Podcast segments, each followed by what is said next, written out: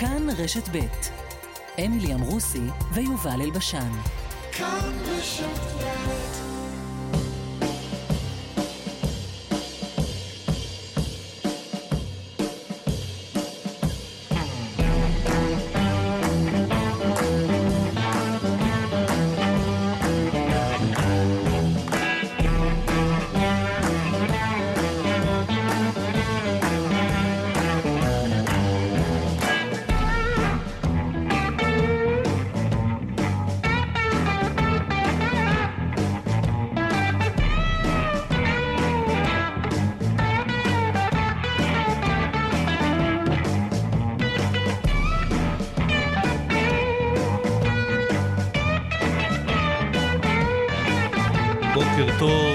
בוקר טוב, אמילי אמרוסי.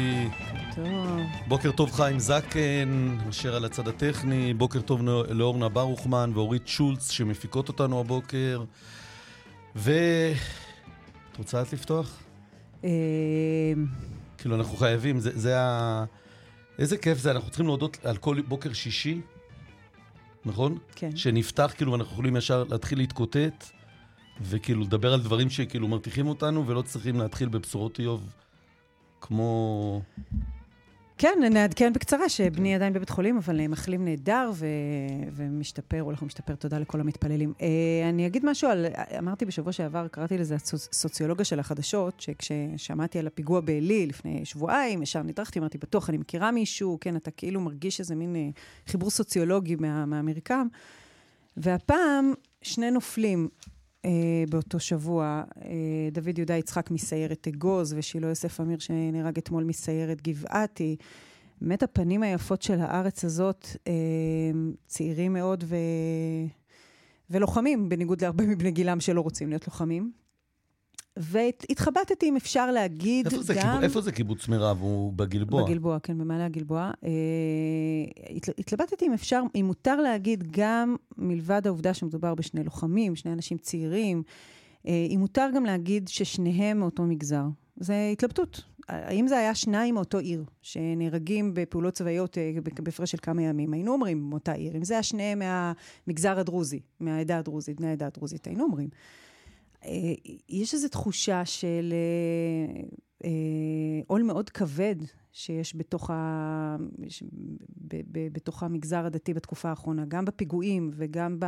וגם ההרוגים הצבאיים, כשמדובר באזורים שכולם מכירים את כולם. כאילו כולם, ואני מדברת פה על הסוציולוגיה של החדשות, כן? לא על מניעה בתחרות של מי נותן יותר. אלא סתם, העובדה שאתה תמיד מכיר את הדודה, או מכיר את האח, או מכיר את. או האימא הייתה זה. ו... כשאנחנו מדברים על המגזר הדתי, שכמובן זו הגדרה סופר גמישה. קיבוץ מירב ובית אל, זה ההרוגים של השבוע. זה אותו מגזר? בהחלט אותו מגזר, קיב... הקיבוץ הדתי ובית אל וזה, זה, את רואה אותו? כן, בסוף מתחתנים אלו באלו, ו... לא, מתחתנים בסדר, מתחתנים גם, גם אני מתחתן עם דתיים. זה לא... אה, פחות, נכון, היום לא יותר מבעבר, אבל, כן. אה, אבל פחות. זה, זה כאילו, בסוף זה ענפים של אותה משפחה, ומה... אבל למה חשוב לציין את זה? בדיוק, שאלתי את עצמי, האם אפשר לציין, האם מותר לציין? תשמע, אם היו שניים, שני נופלים מעיר בגודל נגיד בינוני, רמת השרון, חס וחלילה, כן? שניים, שזה, היו אומרים, רמת השרון אה, חטפה מכה נכון. קשה. פה זה עוד יותר דרמטי, כי באמת זה מגזר שהוא חוק דתיים שלובים, שכולם בסוף קטן, מכירים... אבל, לא, זה לא בהכרח יותר דרמטי. הוא קטן כמו קיבוץ? הוא קטן כמו רמת השרון, בערך. אז אה, לא יודע, אני אגיד לך, אני, אני, אני חושב על מה שאת אומרת, אני, תראי, זה, זה ממשיך את ה... אני חושב שאחד הנאומים הכי מוטעים שנאמרו פה, אה, ושמהרגע הראשון לא, לא סבלתי אותו, וגם דיברנו על זה פה, זה נאום השבטים של רובי ריבלין כשהיה נשיא. שאנחנו מתחילים להתחלק לשבטים, ואו-טו-טו מתוך השבט הנכון, החילוני, החרדי, הדתי והערבי, ואז השבט הדתי יתחלק למשפחותיהם, והשבט החילוני למשפחותיהם וכולי. ו- וכשאת סופרת את, בסדר? אני, אני, לא, אני גם לא יודע להגיד אם זה נכון או לא, כי כי לי ישר זה מקפיץ את בית השיטה. עכשיו, כשבית השיטה, קיבוץ קטן, חוטף כזאת לא, מכה... לא, לא אני לא מתכוון. בית השיטה שלנו זה איתמר אולי. לא, כן? לא. יש מקומות שבהם חטפו... לא, לא, אני לא מתכוון. אבל כשאת, כשאת אומרת בית השיטה שלנו, אז אני אומר, אז לזה אני מכוון. אני מכוון, זה כאילו, זה, זה קבוצה קטנה, ועכשיו אנחנו מתחילים עכשיו לבדוק. אני... אני, אני לא יודע עוד לדייק את זה, אבל עכשיו כשאת שואלת את זה, אני לא בטוח... אתה יודע על האמת שכן היית מתייחס לזה, אם זה היה שני בני העדה הדרוזית שבהפרש של כמה ימים נהרגים. היית נכון. אומר, הנה תרומתם נראית, נכון, הנה אבל הם... למה? מ- למה? כי אני חיצוני לעדה הדרוזית. אבל אוקיי. כשזה נכנס אצלי בתוך העדה היהודית, אז ההבחנות האלה מפריעות לי. אבל אנחנו עם תודעת מיעוט, אנחנו עדיין, יש לנו את הכלי תקשורת שלנו, את החוויה התרבותית, המילולית אפילו, השפתית שלנו. וזה, וזה שאתה יודע, שני הנופלים לשניהם יש שם שני, וכולם מבינים שהשמות השניים האלה הם לאו דווקא על שם סבים, אני לא יודעת, לא מכירה, אבל הרבה פעמים נותנים על שם הדמות ההיסטורית, כן? על שם, אולי על שם יהודה ויוסף ההיסטוריים, וזה זה השם השני של אני הילד. לא, אני לא חושב שאת טועה. אני ממש... משהו אני, בשפה אני... של ההורים ושל המשפחה, עם קבלת הבשורה, מאוד דומה. אתה יודע, בזמן באמת, את חטיפת הנערים, את שאלו אותי... חושבת שזה מאוד דומה? אפרופו שלושת הנערים. ב- שלוש בזמן המשפחות שונות. אז בשלוש משפחות שונות משלושה אזורים שונים, ואני זוכרת ששאלו אותי, כשהם, אחרי שהם יצאו כמה פעמים לתקשורת, מי היועץ האסטרטגי שלהם? כי משפחה מנוף איילון ומשפחה מטלמון, טלמון. ומשפחה דיברו באותם מילים. ויצאו עם אותם מילים, אמרתי להם, היועץ האסטרטגי זה הרב קוק, או אני לא יודעת, משהו בתפיסה הזאת של אה, שיח זכויות מול שיח חובות, של מה אני מול המדינה, זה היה שונה מאוד, כי מהותית יש השקפת עולם משותפת למגזר דתי-לאומי. אני, אני, טוב, זה שווה, זה, זה, זה, אין לי פה איזה דעה. וגם גם אגב, האופי הקהילתי, זה שקיבוץ מירב חטף מכה, לא רק, כמובן המשפחה בראש ובראשונה, אבל קיבוץ מירב והיישוב בית אל, זה, זה, זה מקומות אבלים. שעכשיו כשאני, בקיבוץ מירב זה צביקה קליין, נכון? או שאני מתבלבל? מי זה צביקה קליין? הכתב שנפל? לא, לא, שנפל לפני, אני אולי אני לא מתבלבל. לא זוכרת. ש- אני זוכר משהו לפני כמה שנים, אני יודע, שש, שבע, אולי שמונה כבר. אה, טוב, כולנו עושים את זה. כולנו, כאילו, זה ברור שיש משהו שהוא קרוב אלינו יותר וקרוב פחות, ואני מבין את זה, אני רק... אני, זה גם סמוך לנרצחי אני, עלי אני, ונרצחי אני רק אומר, הפיגועים. אני אומר, משהו מפריע לי, כמו שהפיצו ב...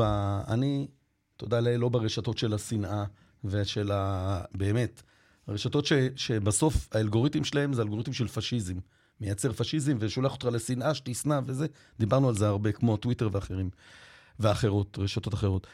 אבל uh, שלחו לי תגובות של uh, סטודנטים, וסטודנטים לשעבר, שלחו תגובות מהארץ על, אני חושב שזה עוד היה על הנהרג הראשון השבוע, על, הנופ... על החלל הראשון השבוע, mm-hmm. נכון? תגובות של, של טוקבקיסטים, שכאילו בכלל, זה ה... לא נעים להגיד, הטוקבקיסטים זה המי ביבים של המי ביבים. אה, אה, הנופל הוא צביקה קפלן. צביקה קפלן, סליחה, סליחה, אריכות ימים לצביקה קפלן, כן, גם לי זה נשמע שבלבלתי. מצוק איתן. אה, אה, זה יותר, זה כבר תשע שנים או עשר שנים. צוק איתן 2014. כן, תשע אה, שנים. וואו. בקיצור, אה, אה, שלחו לי איזה טוקבק, טוקבק, שורת טוקבקים באיזה צילומי מסך כאלה מעיתון אה, מהארץ, ש, שהגיבו לכתבה על נפילתו של אה, תושב בית אל. וטוב מאוד שהמתנחלים... עכשיו שוב, להתייחס לטוקבק זה בעיניי נלעג, כי הטוקבק זה הרוע של האדם, האלמוני בדרך כלל, שיוצא בתגובה ל... כאילו, זה באמת, זה כאילו, זה אנשים ששוחים בתוך מררתם. אבל שם ישר הייתה תגובה, טוב מאוד שהם יהרגו בשביל המגזר שלהם. אני, אין לי את זה פה, כי לא חשבתי שאנחנו נדבר על זה, אבל היה, אה, כאילו, כמובן, אני מצטער בצער המשפחה, אני לא זוכר בדיוק את הביטוי, אבל זה שמתנחל נופל להגנת ההתנחלות, יש בזה צדק פואטי. זה, המילים צדק פואטי היו שם, לא זוכר את זה, והיו אנשים שהמשיכו איתו, איתו את ה... אתה יודע, אתה הרי מספיק אה, אחד... אה, טוב, אתה לא יכול להגיד טוקבקים בעיתון הארץ בלי להזכיר את הטוקבק. רגע, רגע, לא, רגע, רגע, שנייה. יש סיבה לדעות של אלבשן, נכתב באחד הטוקבקים לאחרונה.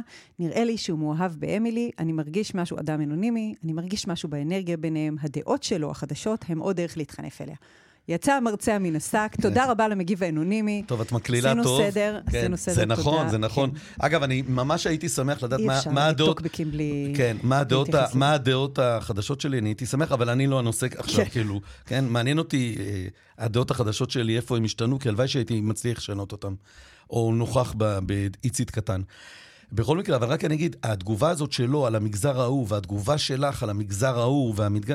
זה, כל זה מראה את ההתפרקות, בגלל זה זה קשה לי קצת. מבינה מה אני מתכוון?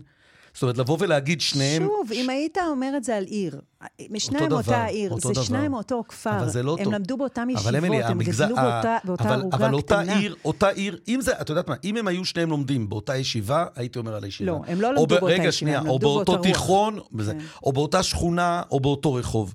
אבל עכשיו, כשאת לוקחת מגזר שהוא בתפיסתו, מש... בכוונה נפרס בכל המקומות. הוא לא רצה להיות עיר אחת בישראל, הוא רצה להיות בכל ערי ישראל. ועכשיו אנחנו מכנסים אותו שוב לאיזה עיר אחת וסופרים אותו ככה. וגם אנחנו, תראי, אני לא... ומשום כך אמרתי שאני מתלבטת אם להגיד לא, את זה. לא, אני, אני מסכים איתך. אני גם, אני גם בעסק הזה באותה התלבטות. בכל מקרה, זה בשורה, זה מה שהיה, זה הבשורת האיוב לפתוח איתה. זאת אומרת, זה... איזה... אנחנו צריכים להעריך את ימי השישי. שאפשר לפתוח בהם כאילו בדברים, אה, לא, לא בעוד שבוע, שבוע בזמן האחרון צריך להעריך כל יום שבו לא נהרג ישראלי, אזרח או חייל. אה, הפיגוע בתל אביב אה, השבוע, אה, שגם זה היה הוציא. שבוע, נכון? כן ש, שגם, שגם הוציא אגב תגובות. שוב, אני, כל פעם שהם שולחים לי, החברים האלה, אני אומר להם, אל תשלחו לי טוקבקים, זה לא מעניין. באמת, אני גם לא קורא. לקח לי הרבה זמן להיגמל מהמנהג הזה, כי זה מנהג, זה מאוד קשה. הרי אתה סקרן. כן, זה גם מאוד 2001, הנושא הזה של טוקבקים. יש רשתות חברתיות. לא, אבל אני אומר, שלחו גם על התל אביבים יופי, שהם ירגישו טוקבקים ארסיים, לא יודע איפה וזה. אוי ואבוי, לא ראיתי. אבל אמילי, רק אני אומר, זה בא בסוף, אפרופו השיחה שלנו, זה בא בסוף מאותה התפרקות. בסדר? אני אראה להם, אני שמח שלהם זה קורה. אני שמח שזה קורה למתנחל בבית אל, אני שמח שזה קורה ל, ל, ל, ל, למתנגד מחאה, למתנגד רפורמה מתל אביב. אני קיבלתי על עצמי כבר לפני נפרדת. שנתיים וסיפרתי לך על זה, שבכל פעם שאני שומעת על אה, יהודי שנרצח בגלל יהדותו, אה, או נהרג בגלל ישראליותו, אני יושבת כמה דקות על הרצפה כדי להרגיש קצת את העצירה של מרוץ החיים. ואני אומרת לך שאני עושה את זה בלי שום קשר, לא למגזר, לא לדעה ולא איפה זה קרה. בסדר, אבל... אבל... אני רציתי להגיד שוב. על הפיגוע בתל אביב. הפיגוע בתל אביב השבוע הציב שאלה... עוד שנייה, אני רוצה רק להגיד לך מילה. אני לא בתחושת מיעוט, זה ההבדל, אני חושב, בינינו. תודעה. תודעה, כן, כן, אני לא בתודעת מיעוט, נכון, אני תודעת רוב מוחלטת. נכון, מאיפה שבאתי. ובגלל זה אני כיהודי... השפה שלך היא השפה המרכזית. רוב השדרנים ברדיו אומרים סוף שבוע נעים, ולא שבת שלום. אומרים ליל שישי ולא ערב שבת. אל תנכסי לי, אל תנכסי לי זה. לא, יש, אתה רואה לא- שהשפה היא שפה, השפה המרכזית היא לא השפה של המגזר. קודם כל, אמר לי חבר השבוע שהוא חזק, אין כבר עיתונות כבר מזמן. וזה נכון, היום תעברי על הכתבות, אנחנו עושים את זה כל יום שישי. את רואה את השם ואת הכותרת, את יודעת מה הדעה. כן. אפילו את יודעת את אבל רק אני אגיד לך, זה שהם לא יודעים להגיד ליל שבת זה סתם בורות, זה לא בגלל זה. בסוף שבוע נעים, כי הם יודעים אנגלית יותר טוב מעברית, גם אם העברית שלהם היא צריכה. אבל זה לא... ועל לא הפיגוע לא בתל אביב. כן. הציף שאלה, אה, שאני רוצה רגע להגיד עליה משהו, על הירייה של ה... על היריות של ה... אה, מי שחיסל את המחבל, האזרח, אה, הגיבור שחיסל את המחבל. ואני רוצה להגיד באופן אה, אה, שמאלני למדי, שאני חושבת שאכן צריך לדון ברצינות בירייה השלישית. נכון. רגע. למה זה שמאלני? לא בגלל, לא בגלל רחמים וחמלה על מי שביקש לקחת חיים, הוא בן מוות, הוא ברגע שהוא רצה לקחת חיים, איבד את זכותו לחיות. יש לך אה, קלף אחד, כן? רצית לקחת חיים של מישהו אחר, איבדת את הקלף שלך לחיות. אה, אלא בגלל הסכנה הגדולה, וצריך להגיד את זה כי יש המון נושאי נשק בישראל, הסכנה הגדולה למי שיורה. כשאתה נכנס לזירת פיגוע ומתחיל לראות יותר מירייה אחת, יכולים לחשוד בך שאתה המחבל עצמו. ואני רוצה להזכיר כאן סיפור בלתי ידוע על אדם בשם עופר בן ארי, אה, השם ייקום דמו, נרצח. בשנת 2015 עופר בן ארי, הגיבור והמדהים, נוסע במכונית שלו, וליד שער יפו רואה מחבל דוקר אה, אזרחים. אחד מהם הוא כבר הספיק להרוג, הרב בנימין, שכחתי את שמו, אה, דורמאחר אני חושבת, וממשיך לדקור עוד אזרחים במטרה לרצוח אותם. עופר בן ארי, הגיבור, עוצר את הרכב שלו, באמצע הכביש, באמצע מנהרת אה, צה"ל, יוצא מהרכב עם לום שהיה לו בארגז כלי העבודה שלו, ורץ כדי לחסל את המחבל. הוא רץ עם הלום, מצליח לנתק את האחיזה של המחבל מהנדקר שאותו הוא מנסה לרצוח, אחרי שהוא כבר רצח אחד, אה, מזיז את הנדקר הצידה ומתחיל להלום במחבל עם הלום. מחבלות ששמעו פיגוע פיגוע, מגיעות ורואות... חיילות. חיילות. רואות, אה, שמעו פיגוע פיגוע, רצו מהר עם הנשקים שלופים, רואות אדם עם לום מעל מישהו שכוב על הרצפה. ובהחלטה של רגע, כי אנחנו כאן תחת הפלורסנט, אבל בשטח מאוד קשה לקבל החלטה כזאת, הן מחליטות לחסל את המחבל לראות עיניהם שהוא עופר בן ארי. ויש סיפורים כאלה של טעויות בזיהוי. כשאני לא שופט, אין שום מילה רעה פה על עופר בן ארי, אני רק אומרת שכשאתה לוקח אחריות להיכנס לתוך זירה, לחסל מחבל, אתה חייב אם יש לך נשק, לנטרל אותו, רגע, לנטרל אותו, בכל דרך שאתה יכול. אבל ברגע שאתה עומד וממשיך לראות גם אחרי שהוא נוטרל, יכולים לטעות בך, רק תזכרו את הסיפור הזה של עופר ארי. האדם נוטרל, נכון שאנחנו נמצא לנו במאחורה גם בית ליד, שאחרי שנטרלת אותו וירית לו לרגליים, הוא, הוא הפעיל את המטען חבלה, והוא תמיד יכול להמשיך לזרוק סכין או משהו, וצריך לראות איך, איך אנחנו לא מגיעים למקרי, אה, למקרים שבהם אתה יורה במישהו, לא, לא יורה במישהו והפיגוע נמשך. אבל גם לזכור במאחור של המוח, חוץ מבית ליד, להטמיע במאחור של המוח גם את עופר בן ארי, גם את האפשרות שאתה מסכן את עצמך בירייה השלישית, בירייה הרביעית. כן? להיות באיזה נקודת, נקודת מבט על הסביבה, שהסביבה יכולה, זה לא ניטרלי ויכולה לטעות בך כמחבל, ופשוט להיזהר. ואני חושב מסיבות אחרות, אני, אני לא יודע, איפה קראת על דיון שהיה? אני פספסתי את זה. אה, יריב אופנהיימר פתח את הדיון בזה שהוא אמר, הירייה הראשונה איפה? אבל איפה? אני מנסה להבין איפה פספסתי את זה. קודם כל זה היה ברשתות, ומשם זה גלש אה. גם לעיתונות הרגילה, למאמרי דעה בנושא. אה, הוא כתב, אני כמובן שהייתי בשבוע מטורף בתוך בית חולים, אבל הצלחתי גם לעקוב אחרי זה. הוא כתב, הירייה הראשונה לגיטימית לגמרי, הירייה השנייה גבולית, הירייה השלישית בעייתית מאוד במדינת חוק. לא בגלל זה אני חושבת שהיא בעייתית. אני חושבת שהיא נכונה מוסרית.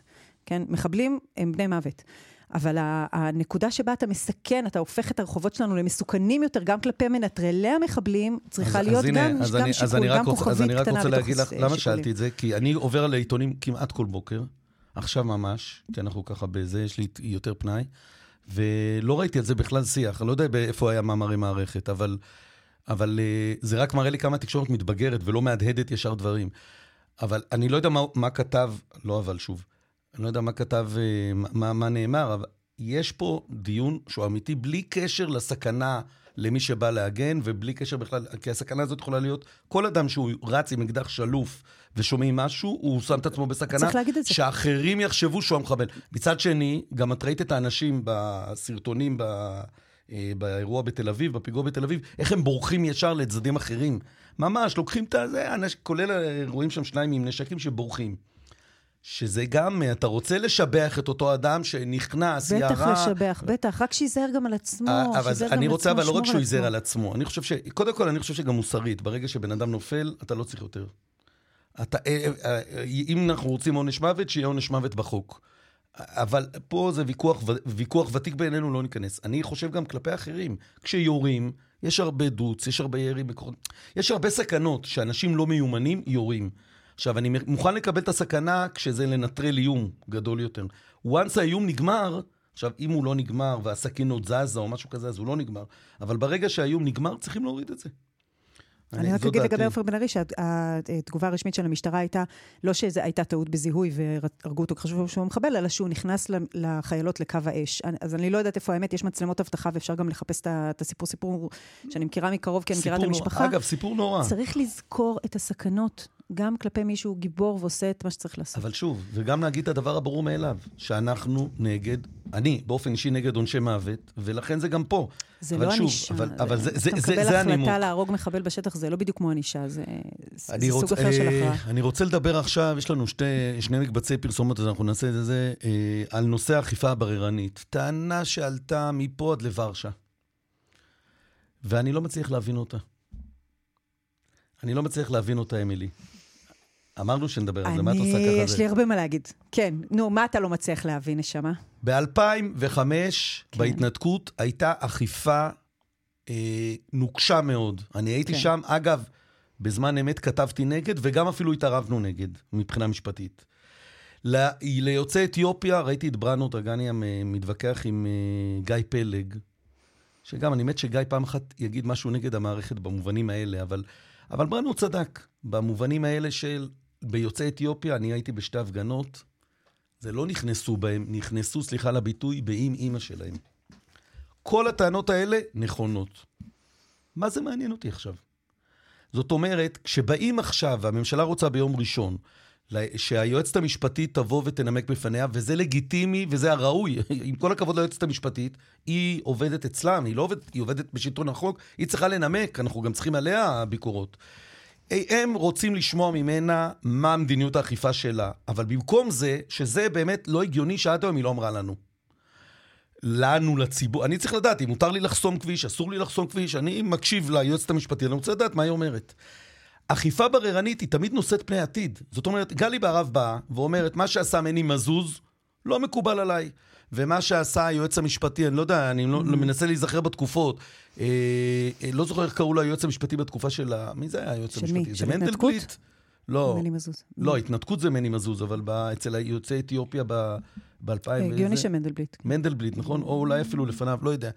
מה שעשה היועץ הזה, זה סיפור אחד. אני, גלי בהרב מיארה, מתנגדת לזה וחושבת שחופש הביטוי והזכות להפגין יותר חזקה בסדר? לא משנה, זו, זו הפרשנות שלי. ולכן אני, בניגוד למה שהיה בהתנתקות, ואצל יוצאי אתיופיה, ובוואדי סאליב ב-59, ובכל הדברים האלה, לא מוכנה שהמשטרה אה, תפגע באנשים. אתה לא צודק, כי הבסיס להכרעות מוסריות ציבוריות, הם, זה בדיוק ההשוואה. זה בסיס מאוד ראשוני למה מותר לקבוצה מסוימת, ובקבוצה אחרת אסור. שמעתי השבוע הגדרה יפה שקוראת לסיפור הזה אליטוקרטיה. אבל... אם מותר לקבוצה אחת ואסור לקבוצה אחרת, אנחנו בבעיה. יודעת, לא, אני מסכים איתך, אבל איך את יודעת שיהיה אסור? אז מה זה משנה אם זה, אם זה בבוקר, יועמ"ש לא. אחר? זה לא משנה. מחר, היה, כשהחרדים יבואו... היה קו שיועמ"ש מסוים הציב, צריך להיות אה, את אותו קו גם לאנשים שיש להם גוון אור אחר, או... אה, אז זה לא יהיה אותו שינוי. אז, אז, לעולם, אז לעולם לא יהיה שינוי. אז, אז בעצם מה שאת אומרת לי... שינוי לטובה ב... ב, ב גלי בהרב מיארה, אה, בעיניי מחוללת שינוי. לטובה. אוקיי, עכשיו, מתי תגידי לי אכיפה בררנית? כשמחר החרדים בירושלים יחסמו את הכניסה לעיר, כמו שהם עשו הרבה, הפלג הירושלמי, והם ימשיכו לחטוף בואש ודברים כאלה לתוך הפנים, והמשקפיים יעופו ואנשים ייפצעו, ואנחנו ראינו את התמונות המזעזעות ש... בואש משטרתית עוברת, וזוג מבוגר, בכלל עומד בתחנת דלק לא קשור, חוטף שפריץ והאישה עפה. את זוכרת את התמונה הזאת? כן. אם זה יהיה מחר בבוקר, אז אפשר לבוא ליועצת המשפטית ולהגיד, אז זו אכיפה בררנית. אבל כרגע, מה אני רוצה לומר? אמילי, אם בזכות האליטו... איך קראת לזה? אליטוקרטיה. אם בזכות האליטוקרטיה, אגב, זה לא בדיוק כאלה... של מי טבע את זה, אבל כן. לא משנה, אם בזכות האליטה התל אביבית, כן. הפלג התל אביבי, אנחנו, אם משנה את המדיניות, אבל אז שינוי המדיניות יוכל על כולם, טוב, אז אני מאוד בעד. עכשיו צריך לשאול, אוקיי, בסדר. עכשיו צריך לשאול האם שינוי המדיניות זה דבר טוב למדינת ישראל או לא. כתב השבוע חגי סגל בטור שלו, חוסמי נתב"ג, הוא, הוא מצטט פה ציטוט מדהים של, של אהוד ברק מפברואר, הוא אומר, ציטוט של אהוד ברק, הניסיון ההיסטורי מוכיח שכאשר שלושה וחצי אחוזים של האוכלוסייה מתמידים בהפגנות בכל האמצעים שלרשותם, לא, הוא מצטט מחקר, זה לא של אהוד, הממשלה תתמוטט כן. או תיפול. ואז אהוד ברק אומר, אינני יודע אילו נזקים יהיו בדרך, אבל אני משוכנע שנ, שננצח. חוסמי נתב"ג, כותב חגי סגל, הם לא שלושה וחצי אחוז מאוכלוסייה, הם כנראה פחות, אבל הם מנצלים את אהדת העיתונאים ואת מבוכת השוטרים כדי להכניע ממשלה נבחרת. ובסוף גם מי שרוצה פשרה, יבין שכניעה כזאת תשפוך עוד דלק על, אה, על מדורת האנרכיה. עוד קבוצות לחץ ינקטו מעשים דומים. אה, כמו הדרוזים עכשיו עם הטורבינות, או אה, שקרון כוח שעלול להניע את אותה קבוצה לסגור שוב ושוב את נתב"ג כדי להכתיב לרוב הדומם מה שהם רוצים, לא יודעת, אפילו מדינה פלסטינית, חוקה פרוגרסיבית, כל דבר אחר שהוא לא בדיון הזה. עוד פעם, יסגרו את נתב"ג, אה, ואסור להיכנע לזה. מכיוון שמדברים הרבה על אכיפה. אבל איך את, יודע, איך את יודעת שהם נכנעים?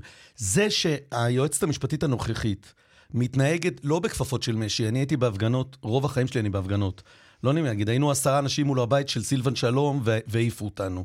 זאת אומרת, זה לא, ולא חסמנו, מכוניות באו, אנחנו זזנו. אבל אני לא יכול לטעון לאכיפה בררנית כשמה שלי קרה זה היה בעבר. אם מחר אני אלך ואני אקבל יחס אחר, והשוטרים יהיו אחרת, אז אפשר לטעון לאכיפה בררנית. בשלב הזה, כל ההפגנות שיש לה מול העיניים, כולן מקבלות את אותו יחס, לא, אז לא, מה זה משנה? לא, לא, גם היום, כשיש, אה, איפה? מגיעים אנשי ימין מול אנשי השמאל, אז הלגיטימיות של אנשי הימין פחותה. איפה את רואה ה... את זה, אגב? אין לי כרגע את הדוגמאות, אני אתמול, רואה את זה כל הזמן בפוסטים של אנשים שמשתתפים אתמול ראינו בחדשות שלנו, פה בכאן, הפגנה מול הבית של אה, יריב לוין, חברי הכי טוב בעולם, הוא אפילו חבר יותר טוב. אגב, בטוקבק שהציטטת, היית צריכה להגיד שאני... מאוהב. השינוי מאוהב, זה מה שכואב לי. אמרו שהשינוי בעמדות שלי, שלא היה... בגלל שאתה מאוהב באמילי. והאמת היא... שאת יודעת במי אני מאוהב, יריב לוין. אי אפשר לא להתאהב בדמות הזאת. מדברים אבל, על... אבל אמילי, שמה שמו את הימין פה ואת השמאל, לא אגיד, כי זה לא שמאל ולא ימין, את תומכי המחאה ומתנגדי המחאה, הרפורמה והמהפכה, אז זה אכיפה שוויונית. אז אין לי פה בעיה, הם נותנים לאלה ולאלה, ואם ייתנו... ואם עכשיו החרדים רוצים לחסום את... זאת אומרת, אז תשוו את הרף התחתון, שהיה, אלא תשוו את הרף אני, העליון. אני רואה, לא, אגב, יכול, יכולה המדינה להחליט שיותר לא חוסמים כבישים. Okay. אני אוקיי. חושב שמה שעשו מני מזוז ואחרים בתקופת ההתנתקות, והדיון שהיה בממשלה ב-10 למרץ, שכל הפרקליט המדינה וכולם באו והקימו מחלקה לטפל בהסתה, לא רק בהסתה, בחסימת כבישים וכולי בפרקליטות, היה משגה נורא, ואמרנו את זה בזמן אמת. אז אתם אני... רוצים עכשיו שגלי בהרב מיארה תחזור על זה עוד פעם, רק כדי שזה ייראה שוויוני? טוב, הפוך. אני שמחה שאמרת על עצמך, אני הייתי בזמן ההתנתקות, זוכר הכל. אני רוצה להגיד משהו עליי בהתנתקות. מה יש, רק את היית בהתנתקות? רק אני, רק אני, רק אני. אמ, רוצה לתת אה, סיפורים קטנים. כשמדברים על אכיפה בררנית, צריך להבין את ה... את ה זה, חוץ מהנתונים, 348 ילדים שנעצרו בזמן ההתנתקות, את הסיפורים שאני, על הבשר שלי, על הנפש שלי, סוחבת כל השנים האלה. אני אתן פה רק כמה דוגמאות. אה, שני בנים ושלוש בנות, ילדים, שמעצרם בכלא מעשיהו הוארך עד תום ההליכים, כן? קטינים בכלא מעשיהו. שני עורכי דין שביקרו אותם, השמות שלהם זה עורך דין דני שרמן ואביטל קזלול, כתבו בדוח שלהם. נוכחנו לדעת שניתנו הוראות מגבוה להחמיר בתנאיהם של עצירי ההתנתקות באופן מופגן ובולט בהשוואה ליתר האסירים. הקטינים נכלאו בתאיהם למשך כל שעות היום, בעוד רוצחים ואנסים הסתובבו בחפש... בחופשיות ברחבי האגף בתנאים קשים. הקטינים לא זכו לביקורי משפחה, לא אפשרו להם להתקלח או לקבל מהוריהם בגדים להחלפה. הבנות הוחזקו בבידוד. אמ, אני הייתי שם כשראיתי שלצורך הטיפול במתנגדי ההתנתקות אה, הוקמו שני בתי משפט חדשים לשיפוט מהיר. בית משפט בבאר שבע והשני ברמלה. אני ראיתי בעיניים שלי את המכלאה הענקית שצה"ל הקים בכניסה לנצרים בגודל 35 אה, מטרים, אה, מוקפת גדר גבוהה, כדי לכלוא את מתנגדי ההתנתקות. אנחנו, אני זוכרת את הגבלות התנועה, את מניעת ההפגנות, את המעצרים ההמוניים, את המעצר המינהלי, את מעצרי המנע, את המעצרים של אבות ואימהות, את המעצרים של ו... הקטין. של הקטינים. אני, אני פשוט מפרטת מה זה אכיפה לא, בררנית. רוצה, אבל רגע, לפני אבל מה את רוצה? מותר לי גם רוצה... לפרוק קצת את הזיכרונות. את פורקת על ההתנתקות כן. כבר שבע שנים. אני שואל אותך לא, עכשיו ברצינות. לא, לא, אני אבל לא מה, נותנת... אבל מה את רוצה להוביל? שיהיו עוד אנשים עם צלקות כמוך? יום אחד תהיה לי הזדמנות ובמה לספר את הסיפור. אוקיי, אז תעזוב, לא נורא. רציתי לא, לספר את הסיפור לא, של ההתנתקות, אני לא יכולה. אבל מה, אני שואל אותך מה המסר. את רוצה שהדבר הנורא שקרה, היחס הלא חוקתי יקרה גם אז? יקרה גם היום? אני רוצה שנכיר בזה שלקחו לחקירה במשטרה שתי בנות 14. מכיר בזה. שהיו, רגע, לא חסמו כביש, היו בחידון התנ"ך והניפו שלט נגד ההתנתקות. הם אלה שנעצרו, אני רוצה שנזכור את זה, שעצרו אה, אה, אה, בן של רב מוכר על ידי שוטרים כשהוא היה עם חולצה כתומה. והאישום היה של, של הסתה. אני רוצה שנזכור את זה שכחולי מדים עברו בין החוגגים במירון בל"ג בעומר והחרימו פליירים נגד ההתנתקות והסירו שלטי מחאה, לא, כי זה החזקת חומרי הסתה. זה? שנאסרה באופן רשמי כניסתם של לובשי חולצות כתומות לכותל ולכנסת. אמילי, זוכרים רגע, את זה, אז מה לא, זה אומר? לא זוכרים את זה, מותר לי להגיד את אבל זה. אבל למה זה חשוב למה עכשיו? למה אתה עוצר אותי אבל? כי אני שואל אותך למה זה חשוב. כי אנחנו מדברים על איפה ואיפה ואני רוצה לדבר על מה האיפה שהייתה. זה היה אז. אני שואל אותך, את יודעת מה את מובילה? מה שאת רוצה שעכשיו שתי נערות בנות 14 לא, שיהיו לא בחידון לא התנ"ך ויגידו, לא, לא מהפכה, לא דיקטטורה, ייכנסו, לא, אז אני מה? לא רוצה את זה. אני רוצה, קודם כל, מספיק כואב ופצוע לנו, שקרו הדברים האלה, שמוסיפים על זה את הפצע שגם אה, לדבר עליהם לא, לא יכולנו בזמן אמת וגם לא היום. לדבר עליהם בזמן אמת, אני הייתי הדוברת של מועצת יש"ע והידיים שלי היו כבולות כל השנתיים okay. של אוקיי. המחאה. גם היום כשאנחנו מדברים על זה, אומרים לנו, אבל מה אתם רוצים? אבל מה זה קשור? למה אתם מביאים את זה? גם, את הפ... גם לדבר על הפצע זה חשוב, יודע כן, כל מי שעוסק בפוסט טראומה. את מדברת על, על איפה ואיפה, ואני שואל אותך, איפה את רואה פה את ה... זה היה אז בלתי נסבל. כן. ואין לי בכלל מחלוקת איתך. אין לי אבל אני שואל אותך, מה, מה את תרצי? את רוצה שעכשיו יעצרו לא, שתי נערות בנות 14? לא, אני רוצה להקדיש ארבע דקות לספר מה היה, ואתה עוצר אותי. בלי קשר. בלי, לא משנה מה המסקנה מזה, בסדר? כדי שהציבור הישראלי יזכור שילד בן עשר הוחזק במעצר במשך שעות ארוכות, שהסיבה הייתה שהוא הסתובב לא רחוק מחסימת כביש והייתה לו כיפה על הראש. זה הייתה הסיבה. אני מבין. על ילד בן עשר. את הדברים נו. האלה, ויש לי פה, אבל תראה, הבאתי דפים עם, עם הזיכרון ההיסטורי שלי, שיום אחד אני סוף סוף אוכל להגיד אותו, לדבר. בסדר, אבל עכשיו הזיכרון, הזיכרון, זה לא תוכנית שאפשר עכשיו שעתיים לעשות. לספר על ההתנתקות, שזה אירוע ישראלי... אמילי, אבל לאן הזיכרון מוביל אותך? אני שואל אותך. לא יודעת, רוצה רק להגיד, כשאומרים אכיפה בררנית, שיש לנו תיקים רציניים מאוד עם, עם הטיעון של אכיפה בררנית. זה לא איזה, לא, היה, לא היו נחמדים אלינו, השוטר נתן להוא מכה, אנחנו מדברים על, ה, על הדוחות הרשמיים של הסנגוריה הציבורית ש, שמתארים את מה שהיה. והחרדים לא החרדים יכולים לא להגיד משנה, את זה גם, לא והאתיופים עוד יותר מכולם. עכשיו אני שואל אותך, אני מסכים לכל הזיכרונות, הזיכרונות האלה. רציתי מה, לדבר מה, מה, על זה, מה, זה מועיל? אתה חותר למה זה מועיל? קודם כל שיבינו למה, למה נדרש השינוי, בסדר? אה, אה למה נדרשת הרפורמה? אני חושבת שחלק חשוב מאוד בשיחה זה גם להכיר להכיר במה היה, והיה לי חשוב להגיד עוד דברים. אתה לא מעוניין להמשיך בזה, אנחנו נלך לפרסומות. לא, אני שואל אותך... חסר לנו גם זמן. רגע, אני שואל אותך עכשיו, רגע, שנייה, אורנה, דקה עם הפרסומת. הזיכרון הזה, אני מקבל אותו, מחבק אותו, מאמין לו. מה, מה, איך זה קשור עכשיו למדיניות של גלי בהרב מיארה? היא הייתה זאת שהייתה אז וגם היום? בסוף זה קשור להכל, כי אתה מבקש שינוי בהרכב בתי המשפט. ובתי המשפט הוא זה שקיבל את ההחלטות האלה על הקטינים. והאטימות שהייתה, וזה שעצרו אוטובוסים בדרך להפגנות וכולי. אה, מה שקרה כאן בזמן ההתנתקות, אסור שיחזור, אסור שיחזור. אבל, אבל, אבל, זה, אבל את מבינה, את, אומר, לא את אומרת שאת לא רוצה שזה יחזור, ושאסור שיחזור, ואת אומרת כדי שזה לא יחזור, אבל בעצם את דורשת, כשאת, לא את, לא את, הרבה כותבים, אכיפה כמו שאכפתם מולנו. כששרי הממשלה באים ליועמ"שית ואומרים לה, תתני לנו מספרי כתב, כתבי אישום אז, אז והיום. מה הם רוצים בעצם? הם רוצים, איך, מתי הם יהיו שבעי רצון? שהיא תגיד להם שגם פה הם עצרו 347 איש בצורה לא חוקית, ושכל מיני דברים כאלה, נכון? אה, אני אגיד לך כמה דברים על למה צריך את זה. קודם כל, צריך להכיר, כדי לעשות דיון, צריך להכיר את המציאות. מכיר, אבל אנחנו מכירים לא בזה. לא מספיק מכירים. טוב, הבנתי, okay. לא מספיק שני, מכירים. מה no. המחשבה של השוטר הקטן שעומד בסוף מול המפגין? האם הוא אומר, הנה האדם היפה, הנאור והמדהים שעושה דברים למען הדמוקרטיה? מה אומר השוטר? אני חושבת שהשוטרים ש, שהטיחו, שקראו נחיריים של, של מפגין וזה כל הדוחות ש, ש, שישנם בהתנתקות, השוטרת שצולמה יושבת על ראש של ילדה מפגינה, או השוטר שחנק את הילדה הג'ינג'ית בכניסה לירושלים, אני חושבת שהם פשוט היו שטופי מוח, הם הושפעו מהונאת ההמון הגדולה ביותר בתולדות ישראל נגד, ה, נגד המתנחלים. הם, הם חשבו שהמתנחלים הם באמת אויב. זה, זה כבר משהו שצריך לדבר עליו, לפרק אותו. למה משטרה רואה באתיופים, בחרדים או במתנחלים אויב שחייבים למגר, ובחבורת תל אביבים רואה אנשים שמפגינים עם שלטים יפים למען הדמוקרטיה. אבל אני מכיר, שומע, חשוב להגיד את זה, והזיכרון הוא חשוב. אבל אני שואל, מה זה מעניין כרגע את הממשלה? הממשלה היא לא פורום היסטורי שצריך לדון בזה.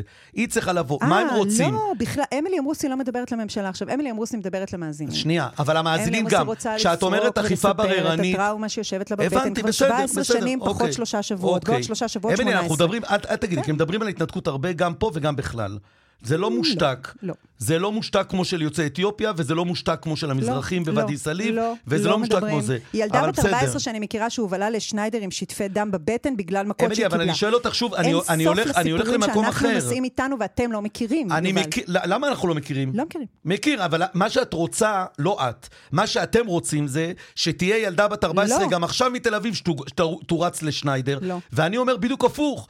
אם אכיפה בררנית היא לטובה, והיא מעכשיו תהיה גם להתנתקות הבאה, וגם אז לא יהיו ילדים שישבו עליהם שוטרים על הראש, ולא יהיו אף אחד שיגזרו לו את הנחיריים, אז כל הכבוד לגלי בהרב מיארה ששינתה את המידה הלא ראויה של מני מזוז ושל אחרים, והביאה אותנו למקום שבו זה, אכיפה בררנית תהיה כשהיא בפ... בהתנתקות הבאה, ואני רוצה התנתקות הבאה שיהיה, בצורה אחרת גם, שבהתנתקות הבאה, אם היא תחזור ותגיד, אסור לחסום כבישים, ואסור לעשות זה, ואסור לעשות זה, אז אני אצדיע לך על האכיפה הבררנית. טוב, אז ש- אחד המגיבים עונה לך ואומר, השבוע זה קרה, ארבעה נערים שהפגינו אחרי הפיגוע בעלי. אה, הוכנסו לחצי שנה מעצר מנהלי? חצי שנה מעצר מנהלי? איך הם יודעים את זה? טוב. זה נכון. אה, רגע, אורנה, אורנה הורגת אותנו, כי אנחנו צריכים אה, באמת, אנחנו עוד נחזור לנושא הזה. אה, פרסומות, חיים, יש לנו שני מקבצים. חזרנו, אנחנו מוצפים בתגובות, אנחנו נעלה את כולם, יש לנו עוד מספיק זמן בשעתיים האלה ממה שנשאר מהם. אנחנו רוצים לדבר על אה, תנועה חדשה, אה, עתידנה, עתידנו בערבית, אה, של, אני מקריא עכשיו מתוך הטור של בדרור ימיני, אגב, תראי איזה יופי של שם, את צריכה לאהוב את זה, ארץ, הרס וארס. אגב, רותי אלמגור, הלשונאית שלנו, כותבת לי שהיא נורא שמחה לשמוע שהמצב של סיני משתפר. אה, וגם, אגב, שאומרים בואש ולא בואש, ידעת? Hmm. לא, האמת שאני גם אמור לדעת את זה, אבל אה, אומרים בואש. טוב, אה, אנחנו נדבר, כן, כן, חברים מעבר לזכוכית, אומרים בואש. בוקר טוב לסלימן סלימן. אהלן חברים, בוקר טוב. שלום, מנהל ארצי בתנועת הנוער עתידנה. אה, זה הוגים עתידנה? עתידנה? איך הוגים את זה? עתידנה, עתידנה. אה, וואלה, ממש בערבית מלאה, כן. שזה כן, חיבור בין אנשי חינוך אה, אזרחי ישראל, יהודים אה, וערבים, לצורך מה? קודם כל, עתידנה הוא שלו, השם הוא עצמו שם ערבי וגם כן שם אה, אה, מהשפה העברית, שזה אומר עתיד זה מוסתקבל, פיוטשר. נכון. וגם עתיד היא מילה מהקוראן, שהפירוש שלה זה המעמד החזק שלנו, העמדה החזקה שלנו, שזה שותפות ערבית-יהודית גם כן בשם. אה, יפה, עכשיו, אה, יפה. וגם, עתיד... וגם הצורת בנייה של עתידנה זה כאילו, זה, זה לשון ערבית, שלנו. בדיוק, עתידנה שלנו, כאילו... אה, העתיד שלנו נקרא לזה, כן. בדיוק, העתיד שלנו. אז uh, עתידנה מתמקדת בייצור ובניית מנהיגים של הדור הבא, שיובילו גם את החברה בעתיד ובכל מיני תחומים. Uh, אנחנו, uh, החזון שלנו זה גאווה ערבית, להיות גאה במי שאני, בדמות אנחנו מדברים, סולימאן, רק, רק על ערבים או ערבים ויהודים? זו תנועת נוער משותפת? Uh, העמותה היא עמותה ערבית, כאילו, מי שנמצא okay. אוקיי. בעמותה, המובילים של העמותה, זה יהודים וערבים בוועד המנהל. עכשיו, רוב העובדים בעתידנה הם, הם ערבים ישראלים. 98% מהעובדים של עתידנה הם ערבים, שבאים לקדם את החזון הזה שאומר שותפות ערבית-יהודית, כן. גאווה כן. ערבית ולהיות אה, אה, גאה במי שאני, ובשורשים שלי, בשפה שלי, בתרבות שלי מצד, ומצד שני, שהוא לא פחות חשוב, להיות חלק בלתי נפרד במדינת ישראל, להשתלב במדינת ישראל כמדינה יהודית ודמוקרטית. אז למה, אנחנו קוראים בטור של בן דרור ימיני היום, על, אה, על זה שאתם מעוררים אני אקריא כמה משפטים. אה, מדובר בתנועה שמציעה, אני מקריא, תנועה שמציעה במקום שנאה אחווה, שמעיזה להכיר בעצם קיומה של מדינת ישראל, אה, שלא מפיצה רע, לא חשוב, נפלא, כותב בן דרור, ממש לא, הפוך מכך. משום שהאנטי-ציונים ושונאי ישראל זועמים. התנועה, בעיקר שהתנועה הצליחה במקום, ש... במקום בו אחרים נכשלו. אה, ובקרב ההנהגה הערבית, ההתנגדות, אני מדלג, ההתנגדות לתנועה החלה ברגע הקמתה, ועכשיו גם הצטרף לזה, מסתבר, עיתון הארץ. אה, כותב פה בן דרור, שמאשימים את העושים במלאכה שהם ציונים שרוצים להעמיד ערבים טובים, ואפילו, רחמנא ליצלן, מעודדים שירות לאומי. כאילו מדובר באיזו מזימה אפלה. מה בדיוק עדיף? רק ערבים, הכל במרכאות, כן, ערבים רעים שמתעבים שירות לאומי? אתה יכול לעזור לנו להבין על מה מדובר? כן. קודם כל, מה שאני אגיד, אה, כתבו עלינו שאנחנו הערבים הטובים. אנחנו עדיין לא הערבים הטובים, אנחנו עדיין הערבים הלא טובים. יש לנו דרך ארוכה, ארוכה ממש להיות הערבים הטובים. כי צריכים לתקן הרבה בחברה שלנו. יפה. אם אנחנו עכשיו מסתכלים על החברה, הרבה אנשים מעבירים ביקורת על המצב של החברה הערבית, שצריכים, המדינה צריכה לעשות, המשטרה, האלימות המשתוללת בחברה. ואנחנו באים, אומרים, חברים, אם אנחנו לא ניקח אחריות על החברה שלנו, אז מי ייקח אחריות? מי נחכה שייקח אחריות? אנחנו באים לתקן דרך חינוך, ואנחנו כן מוכיחים דרך העשייה שלנו שכן אנחנו מצליחים לייצר את המסגרת הזאת שהנוער והצעירים פונים אליה. וכשאנחנו מחנכים תחת החזון הזה שהסברתי לכם עליו, וכן מובילים את התוצאות, וכן מייצרים מסגרת חינוכית שתעשה את השינוי ותוביל את השינוי בחברה, כמובן שיש אנשים שיתנגדו. בהתחלה זה היו המפלגות הפוליטיות הערביות, כי כנראה זה מפעיל איום על קיומה בעתיד, כי האנשים התחילו לא להאמין בהם, ובמקביל אנחנו באים בפלטפורמה שכן תביא להם, תביא לציבור ולדור הבא במיוחד את ה... אה, אה, אה, את הדרך האחרת, כאילו, את הדרך הזאת הבאה לתקן. ועכשיו האנשים מתנגדים אלינו, מספרים עלינו כל מיני דברים שהם לא קיימים מצד. ו... תפרט, המתנגדים מגיעים גם מתוך החברה הערבית וגם מתוך החברה היהודית? כן, ביחד, במיוחד מהחברה הערבית עם, עם אג'נדה פוליטית יותר. שהם אה, לא רואים בדרך הזאת כדרך שכן באה לקדם את האג'נדה שלהם. אנחנו מקדמים לא אג'נדה פוליטית, אלא אג'נדה חינוכית, ערכית, מעלים מודעות איך להסתכל, להתייחס ולהסתכל לחברה הישראלית. שמי שיבקר אותך יהיה מצד אחד השמאל היהודי, ומצד שני הימין הערבי? הלא שמאל היהודי, זה השמאל האנטי-ציוני. אם, אם הוא בכלל שמאל, אני לא מוכן להגדיר את זה, אבל זה הגורמים האנטי-ציוניים. בסדר. השמאל תומך בזה, אז אמור לתמוך מה, בזה. מה שניסו, לה, במיוחד בעיתון הארץ, זה להכניס אותנו יותר לסכסוך הזה הקיים בין ימין לשמאל. אנחנו אין לנו בעיה, לא עם ימין ולא עם שמאל. כל עוד כל מי שרוצה להצטרף לעתידנה, לעתידנה ומסכים עם החזון שלנו, ורוצה כן לקדם את החברה הערבית ולכבד אותה, כמו שאנחנו מכבדים את החברה היהודית וגם את המדינה. אז המתקפות שאתה עובד, עובר בעיתון הארץ מצד השמאל הרדיקלי היהודי, דומות למתקפות שאתה מכיר מבית, גם מתוככי החברה הערבית שמתנגדים לזה? אני רק אגיד, כן, בן דרור, כן, בן כן, מציין זה... פה, האמת שיש פה שם מוזר, מפתיע אותי, שגם ועד ראשי הרשויות הערביות אה, קראו להתעמת עם הפעילות של העמותה הזאת. חבר הכנסת נכון. אחמד טיבי, העיתונאי מוחמד מג'אדלה מערוץ 12, 12 מרדיו נאס, שזה מאוד מוזר, כי מוחמד הוא הבן של גאלב מג'אדלה, שלדעתי הוא בדיוק, נכון. אה, שהיה השר, חבר גם שלנו מדרך עמיר פרץ, והוא הבן אדם שהיה, שהוא הגדיר את עצמו ציוני בהרבה מאוד מובנים. ואני גם, אני חושב שגם מוחמד בכיוון הזה יותר, אז, אז איפה, אז למה הם מתנגדים בעצם לפעילות שמעצימה את החברה הערבית? שירות לאומי, אגב, זה בדרך כלל שירות לאומי בתוך החברה הערבית. אתה יודע, כל החולאים. אז אה, איך מנמקים את ההתנגדות, מלבד כמובן אלה שכל הציונות אה, לא נראית להם? הלו? סולימאן ניתק, אה, סולימאן הנה, אורנה מחברת אותנו, אני אמשיך לקרוא מפה. תעמול... אתה יודע מה? בוא נצא לפרסומות ונחזור לדבר עם סולימאן, בבקשה. רק העובדות מדברות, ואנחנו חוזרים לדבר עם אה, סולימאן סולימאן מתנועת עתידנה. שלום, חזרת אלינו. שלום. בדיוק אמרנו, קראנו פה ככה גם מהטור כל מיני ביקורות שמותחות בכם. מה, מה המשמעות, האם אתם מרגישים באמת נרדפים בחברה, במגזר? האם אתם, אה, או הפוך, זה דווקא אה, מביא לשיתוף פעולה? מדובר על קמפיין ממומן שיצא נגדכם בתחנת רדיו נאס.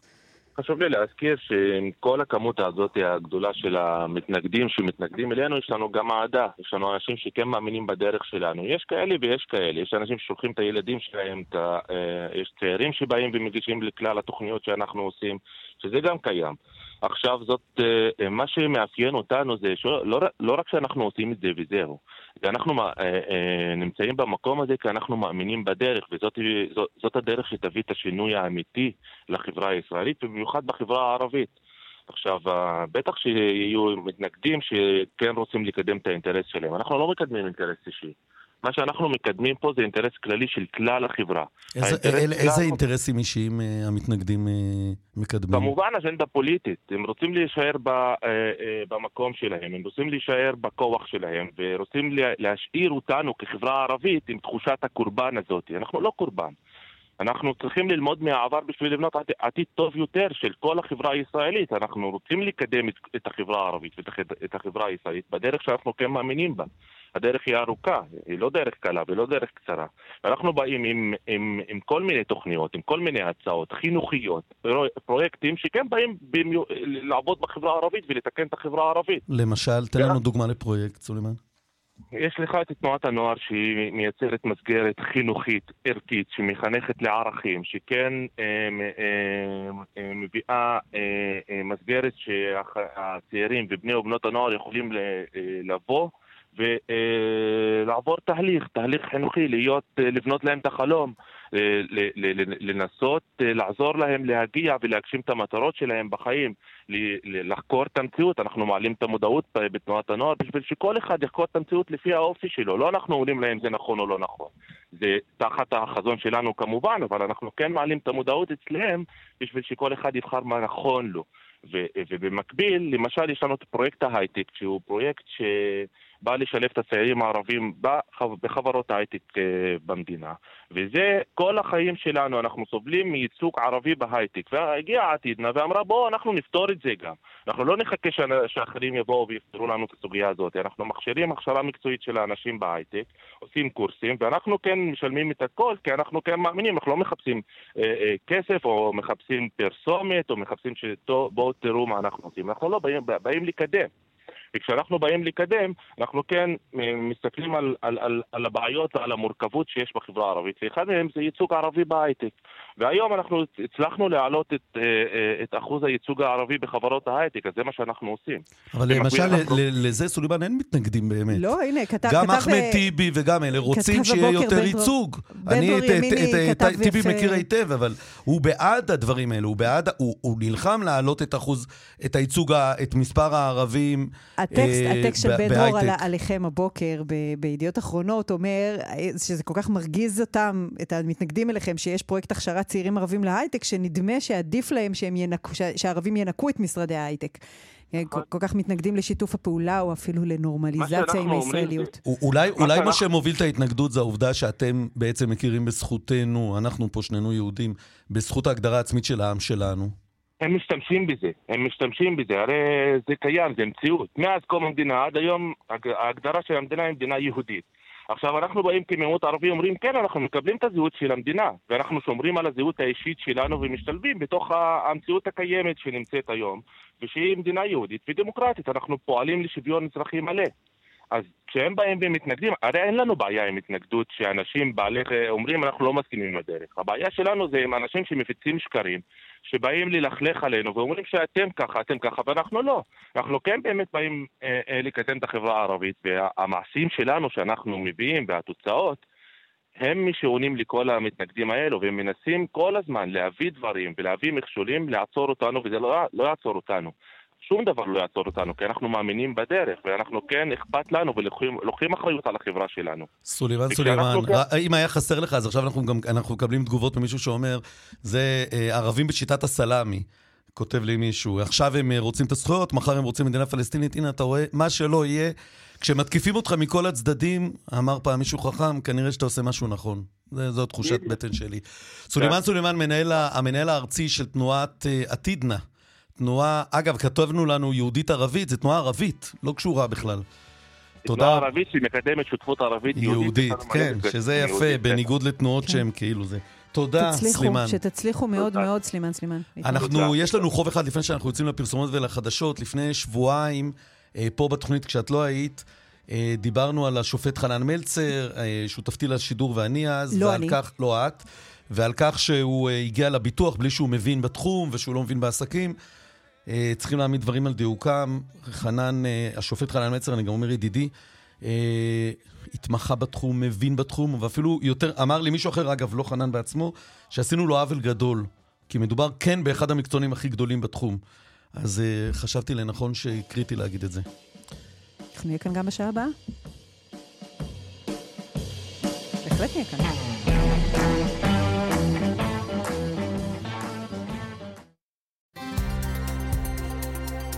רשת ב' אמילי אמרוסי ויובל אלבשן. כאן רשת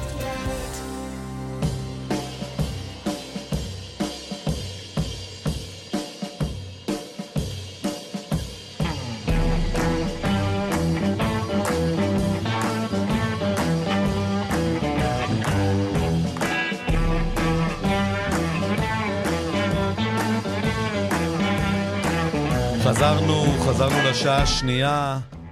אה, עם אורנה ברוכמן, אורית שולץ, חיים זקן, אה, שמעון דוקרקר ועמית שניידר. מי עוד? עכשיו את תחשבי שכל... אה, מישהו, את יודעת, המאזינים והצופים יחשוב שיש לנו פה צוות של 7,000 איש. כל החבר'ה פה באו לעזור לתקן את המדפסת, לדעתי, של אורנה. זה, זה כל העסק, זה לא... כל התאגיד עוסק עכשיו בתיקון המדפסת. טוב, יש לנו המון, המון, המון, והפעם באמת המון תגובות אה, על האכיפה הבררנית, על זה שזה אה, כן אה, אכיפה בררנית, זה לא... אה, לא, לא שזה לא, כמעט כולם מדברים. אבל אחד הדברים המדהימים, יש פה קודם כל אה, כותב, האמת, אני לא יודע, את העברת, הטענה שלי, שלי, יובל, אה, שזה בעבר לא רלוונטי, בגלל שמטבע הדברים, מחאות נגד מדיניות הממשלה, הם אף פעם לא במקביל. שזה טיעון נכון, כי מחאה היא תמיד נגד מדיניות, אה, זאת אומרת, אה, יש בזה טיעון נכון. אני אמרתי, הטיעון שלי היה לא שמה שעשו אז הוא בסדר, אלא שכשטוענים אכיפה בררנית, בעצם רוצים שהעמידה הרעה שהייתה בעבר תהיה גם היום. והוא אומר שהטיעון שלי הוא בעייתי, כי תמיד מחאות זה פר מדיניות ממשלה, ולכן אף פעם זה לא יהיה באותו זמן. זאת אומרת, זה לא גלי בהרב מיארה, היא זאת שתצטרך טוב, להתמודד עכשיו כן עם ההתנתקות וכולי. במקרה זה כן קורה, כי הנה פנתה אלינו אימא של אחד העצורים שאמור להתגייס בעוד חמישה שבועות. אה, שמואל שוסטרמן, הוא הצעיר ביותר בין העצורים המינהליים, אה, שנעצר אחרי הפגנות שהיו של מתנחלים, אה, וכותבת לנו שהוא שוחרר על ידי בית משפט מתוקף זה שלא היו ראיות, ואז כשלא מצאו ראיות, החליטו לעצור אותו במעצר מינהלי. היא כותבת, המעצר הוא כלי שהמדינה שלנו משתמשת נגדנו כדי לעקוף דין משפט צדק. שמואל עמד למשפט ושוחרר כיוון שאין ראיות נגדו.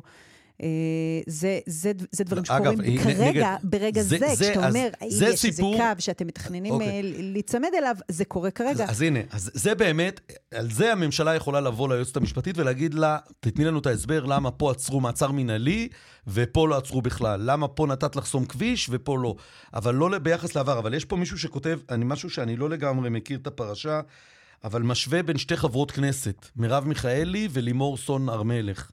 שמרב מיכאלי שוטרים, ניגשו, ניגשה לשוטרים אתמול או שלשום, אני לא, לא, לא מצוי בפרטים, ולפי הנטען, אה, דיברה אליהם בצורה עם אצבע כזאת, ועם אצבע מורה, אל תעיזו או משהו mm-hmm. כזה, והתייחסו אליה בצורה אחרת מאשר ההתייחסות ללימור סולומון. זה למשל דוגמה, עכשיו סליחה, זו דוגמה לאכיפה בררנית, אם באמת שני הסיפורים נכונים, או, וזה מה שהיא צריכה להגיד, את ההבדל. היא יכולה להגיד באזור תל אביב זה X, באזור הפלסטינים Y, באזור זה, אבל בואי תגידי לנו את ההבדל שאנחנו נלמד.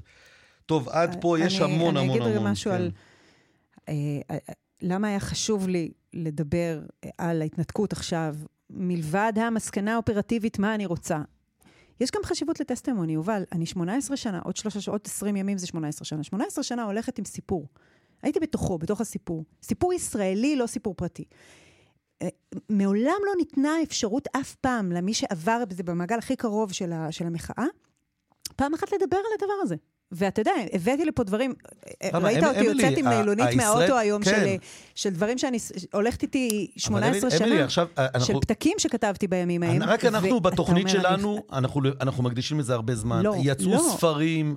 אה, אנשים דיברו, אולי לטעמכם לא מספיק, אבל זה לא נושא מושתק. זה לא כמו ואדי סאליב שהשתיקו אותו הרבה שנים. ת, את לא תשמע לא חושבת... את ההקלטה של התוכנית של שעה שעברה, ותגיד לי אם זה היה מושתק או לא. שנה שעברה עשינו שעה אייטם. שעברה. שעה, שעה שעברה, לפני לא, שעה. לא, זה היה תוך... אה, לא טוב. נתת לי באמת לדבר, אבל בסדר, אני אמצא את הבמות האחרות שלי. אפשר להזמין הרצאה שלי על ההתנתקות, תעשו את זה. תשמעו אותי בהרצאה על התנתקות. בהתנדבות, בהתנדבות, בשידור הציבורי אני. לא יכולה לדבר, אז נדבר על זה במסגרות פרטיות. אה, טוב, אנחנו... אה, בואו נדבר רגע על עמי אשד. דבר על עמי אשד. אני הסכמתי מאוד עם אה, אייזנקוט, כן. חבר הכנסת אייזנקוט, הרמטכ"ל לשעבר, שאמר משהו שהיה נשמע לי כל כך טריוויאלי, והוא אמר, עם כל הכבוד, עמי אשד היה צריך לחכות, לפשוט את המדים ואז לשאת נאום פוליטי, או, או משהו כזה, ולא לשאת נאום כשהוא במדים, שזה שבירת כללי המשחק הבול, כאילו, הבסיסיים ביותר של דמוקרטיה. של דמוקרטיה, לכאורה בשם הדמוקרטיה, הוא שבר כלל של הדמוקרטיה. וגם זה שאתמול הוא לא הופיע, ב, הוא לא הופיע בהפגנות ולא ניהל אותם, זה גם, זה, זה מאוד בעייתי. וכשגדי איזנקוט אמר את זה, לא, התר, לא התרשמתי, אמרתי, בוא'נה, הוא אמר את הכי טריוויאלי שיש בעולם. זה ברור שאני לא מוכן שלובש מדים יביע עמדות נגד זה, שיפשוט את המדים, ואז הכל הוא יכול לומר.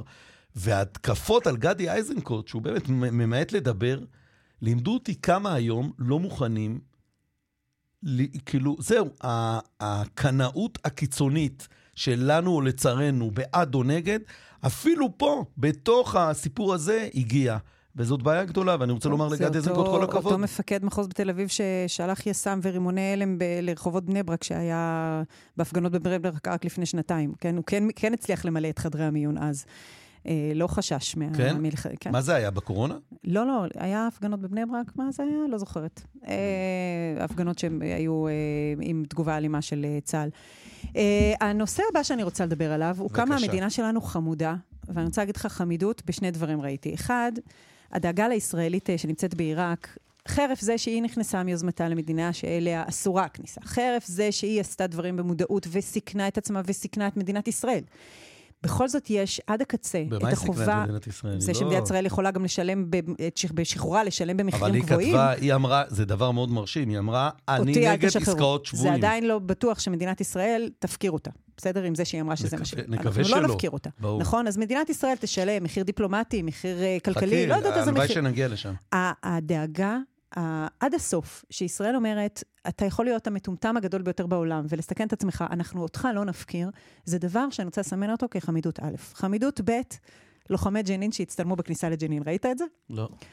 הייתה תמונה של גדוד, גדוד uh, מחנה הפליטים בג'נין, המחבלים. שהצטלמו, חלקם רעולי פנים, בבגדים שחורים עם נשקים. איזה דיני קסאם כאלה? לא יודעת, כן, של ה... עם עכשיו. אה, הצטלמו בכניסה למחנה הפליטים, אה, עם השער של מחנה הפליטים, אוחזים בנשק, רעולי פנים, ואומרים, לכאן לא תוכלו להיכנס. ויממה אחר כך בערך, חיילי צה"ל, לא רק שנכנסו, ביצעו שם פעולה מצוינת ויצאו באובדן של חייל, אה, אה, דוד יהודה יצחק, אבל אה, יצאו, גם זכו להצטלם. עמדו אותם לוחמים שלנו, אני חושבת שזה גולני, באותה, בדיוק באותו מנח, בדיוק מאותה זווית, עם אותו רקע, והצטלמו, אמרו, נכנסנו.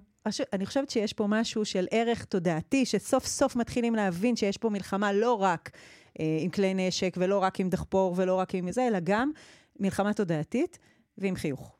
יפה. יפה. אז אם אנחנו, זה חמידות ב', חמידות שלישית. היום את פותחת את עמוד 88 בשבעה ימים, שזה אה, גם העיתון הנפוץ ביותר, גם המוסף הנפוץ ביותר, ומסתבר שזה גם העמוד הנפוץ ביותר. זאת אומרת, אנחנו לא מדברים עליו, אבל העמוד של שעות נוספות הוא העמוד הנקרא ביותר בעיתונות, הרבה, בתוך שבעה ימים של ידיעות אחרונות. העמוד של התשבצים, כן. כן, העמוד של התשבצים, זה העמוד, עמוד, ובעמוד הזה mm-hmm. יש את הציור השבועי לילד. כן. והיום הם שמו את הציור השבועי הראשון mm-hmm. של ג'קי ג'קסון, שהוא יהושע, אה, שהלך לעולמו השבוע, והייתה פרידה מאוד... מהמדור איפה הילד? מהמדור הראשון מפברואר 1963, אמילי. אמנון ותמר יצאו לצוד פרפרים, על אחד הפרחים עמד פרפר יפה, אך כשהתקרבו אליו התעופף הפרפר ונעלם. האם תוכלו אתם, ילדים, למצוא את הפרפר? עכשיו, אני רק אראה את זה, זה כל כך חמוד, זה זה, כן? זה כל כך חמוד, וזה כל כך יפה, שמה שעשו, זה, יש פה גם uh, עמוד שלם, uh, הם הקדישו ל, ל, גם בתוך שבעה ימים, כל, ה, כל מיני מאיירים uh, נפרדו מג'קי וכולי. זאת התמונה. תראה איזה חמודים. אתה רואה? כן. איזה חמודים בחיילים. אה, זה רועי שרון שלנו צילם. לא. למה? כן, רועי שלום צילם. אולי... אה, אז בכלל אנחנו גאים. רועי שרון? זה פשוט נהדר. בקיצור, במשך... אחד הדברים היפים ש... שעסקנו... לא, לא גולני, סיירת צנחנים. וואי, וואי, וואי. עכשיו, אגב, הסתבכת. זה שאת אומרת, פלסטינאים, חרדים, התנתקות איזה כלום, כשהסתבכת בין שני אלה, גמרנו. עכשיו ברצינות, הסיפור של ג'קי, שהוא כאילו סיפור קטן, אבל כל כך מראה את השאיפה שלנו לנורמליות. המדור שהתמיד במשך עשרות 60 שנים. 60 שנה הוא הופיע. אני נולדתי כבר לתוך זה, אני נולדתי ב-69. הוא כבר היה שש שנים. וגם ו- האינטראקטיביות, זה שאתה מביא לקורא משהו שהוא צריך לעשות, כן, יכול להיות פסיבי, לדפדף בעיתון ולנמר. ותחשבי איזה כיף לג'קי, שהוא כתב את המדור האחרון, האיור האחרון שלו היה, המדור האחרון היה, שלושה ימים לפני שהוא הלך לעולמו. זאת אומרת, הוא 60 שנה עסק בזה. ו- וזה שלרגע כולם התעסקו בזה, וכולם אמרו, ואין אחד, הרי זה, זה העיתון של המדינה, וכולם מכירים את זה, אין מישהו שאתה אומר לו איפה הילד, או איפה הזה, והוא לא, והוא לא ישר יודע על מה מדבר. וזה יפה שיש לנו מוסדות במדינה, שהנה, אנחנו בדיוק דיברנו עכשיו על עמי אשד, שהכללים נשברים בה, והמסורות, ואין אלמנטים, לא רק אצל הפוליטיקאים והמנהיגות, אלא בכלל, יש איזה משהו, הנה, 60 שנה הוא שרד את העיתונות ואת הכל, וזה יפה. יפה מאוד. Uh, השבוע ראיתי גם הצל וגם ינון מגל וגם כמה אושיות פרסמו תמונה שבינה מלאכותית ספרה כמה אושיות? אנשים... Uh, כן, אושיות. כמה... לא, לא, בינה סתם... מלאכותית uh... ספרה כמה אנשים נמצאים בתמונה שצילמו חדשות 13 באיילון בהפגנה. הכותרת של חדשות 13 היה 20 אלף מפגינים, ואז uh, שלחו את התמונה הזאת לבינה מלאכותית שממספרת את הראשים, והגיעו ל-220 ומשהו מפגינים. 220 ומשהו, לא 220 ומשהו אלף, 221 איש. אה, גם הצל פרסם את זה, גם ינון מגל פרסם את זה, זה היה רגע מאוד מעניין, שאומר, רגע, זה נראה לי כמו המון אנשים. אחוז? אני יכול להאמין שמדובר ב-20 אלף איש, אבל לא, מדובר ב-200 ומשהו אנשים. זה מה שהיה שם בתמונה, ממוספרים. מוזר. ואתה לרגע מבין כמה קל להטעות האשליה האופטית, שאתה רואה מקבץ של אנשים, נראים לך כמו המון. אבל בטוח מ-200 ל... נגיד... מ-20 אלף. תראי, כשכל פעם כותבים 20 אלף, אני אומר גם 2,000, כמי שהפגין הרבה, אני יודע שגם 2,000 נראים כמו... אני לא יודע להגיד אם זה 20 אלף, ומי שיודע מה שקורה בפארק בגני יהושע יודע שהסיכוי שיהיו שם 150 אלף בקפלן הוא אפסי. רגע, אני רוצה להמשיך אבל. אבל 200? את בטוחה כן. שאת לא אומרת 2,000? לא, לא, 200 ומשהו, אני לא זוכרת את המספר, 270, 220, שלוש ספרות. אה, ואתה אומר, בואנה, כן, יש איזו אשליה. ואז אני אומרת, רגע, זה כלי מדהים, הבינה המלאכותית, אבל בואו, רגע, נלך עם זה עוד יותר. למה להסתפק בתמונה אקראית שצולמה לרגע? אם אני רוצה לדעת בדיוק כמה אנשים היו שם באיילון, אולי אפשר להכניס נגיד איזה מין אה, מכונה כזאת שה, שהשוטר עומד בכניסה ועושה קליק, קליקר כזה, כמו בהופעות, לדעת כמה אנשים נכנסו, כמו בקניונים. ואז נדע באמת מספר אמיתי, אני רוצה לדעת מספר אמיתי. ואז אני הולכת עם הראש עוד, עוד, ואני אומרת, רגע, אם אפשר היה ממש למנות אחד-אחד, נגיד, עם תעודת זהות, אוקיי? כל אחד אומר את המספר תעודת זהות שלו, אתה לא יכול להירשם פעמיים, ואתה לא יכול אה, לא, לא לבוא וזה. ואז, רגע, רגע, אני אומרת, שנייה, בוא נעשה את זה ממש עם ועדה ושולחן שיושבים, ואתה לוקחים לך את התעודת זהות, רושמים שהגעת, מוחקים אותך מהרשימה, ואז יודעים כמה הגיעו, ואז אי אפשר לבוא פעמיים, וגם אי אפשר לבוא עם תעודת זהות מזויפת, יודעים בדיוק כמה אנשים. ואז אני הולכת עם זה עוד צד, ואני אומרת, hmm, היה דבר כזה. לא מזמן, היו בחירות. אנחנו יודעים כמה אנשים יש שתומכים בסיפור הזה ש- שמספרים אנשי איילון, אנחנו יודעים.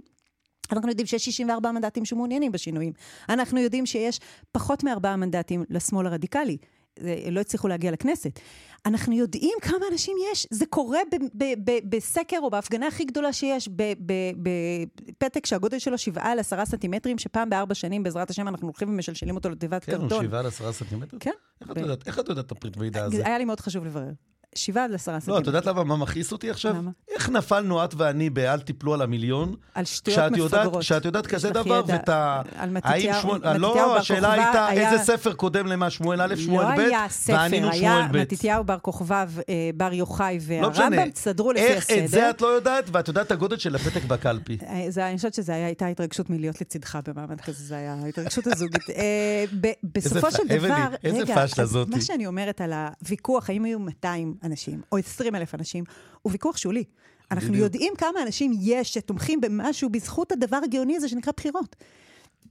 ליטוקרטיה אני- לא רוצה אני- לדעת, אני להשתמש, אני- רוצים אני להשתמש חייב אה, להגיד שהמספרים באמצעים אחרים. המספרים הם בעיניי לא חשובים, כי מי שצודק, הצדק הוא אף פעם לא הולך דווקא לפי הכמות, והחשיבות הזאת של הסופרים, אה, בכל העניינים, לא, לא רק פה, גם אז בהפגנת 400 אלף, הרי הייתה הפגנה, סברה ושתילה אמרו 400 אלף בכיכר מלכי ישראל, אז קראו לכיכר מלכי ישראל. אה, אני הייתי בהפגנה אגב, היו המונים, אבל אמרו 400 אלף, אה, התקבע המספר. אחר כך באו איזה מישהו שאמר שגם אם עומדים אחד על כתפי השני שלוש פעמים, לא נכנסים, אה, לא רק לכיכר, לרחובות הזה. אבל כל זה בעיניי לא משנה. זאת אומרת, זה לא אומר כלום. אני לא הצלחתי להבין את ה... יושבת מיכל פעילן בערוץ 2 ואומרת, כרגע קיבלתי מהמארגנים 38,000, עכשיו קיבלתי 42,000, כאילו, מה זה משנה? זה הרי לא משחק כדורגל.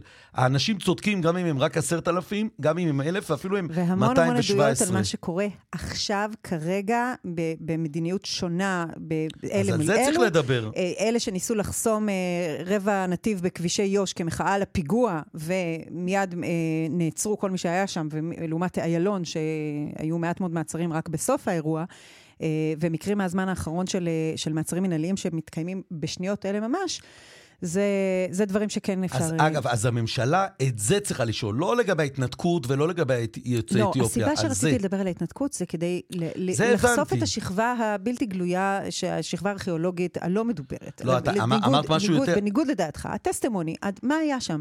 אנחנו היינו שם, לא לא הספקנו להגיד את זה עד היום, וכל פעם שאנחנו מנסים להגיד, אבל מה אתם רוצים, אבל למה זה קשור, לא, ולמה זה רלוונטי? אני פשוט חושב שאתם כן אומרים, זה לא נכון. וכותבת לי פה אימא, הילד שלי נעלם לארבעה חודשים לבית סוהר ללא זכויות. אה, היא, היא, היא מבקשת מכלי התקשורת לעלות ולא נותנים לה, אותה אימא שהילד שלה עצור במעצר מנהלי. הדברים האלה קורים ברגע זה ממש, כי יש אה, כאלה אז- שמותר להם אוקיי, ויש כאלה אז זה- שאסור להם. אגב, ויאמר לזכות איתמר בן גביר, שהוא מתנגד למעצרים מנהליים כמוני, גם לפלסטינאים וגם ליהודים. זאת אומרת, הוא, גם הוא לא עושה את ההבחנה.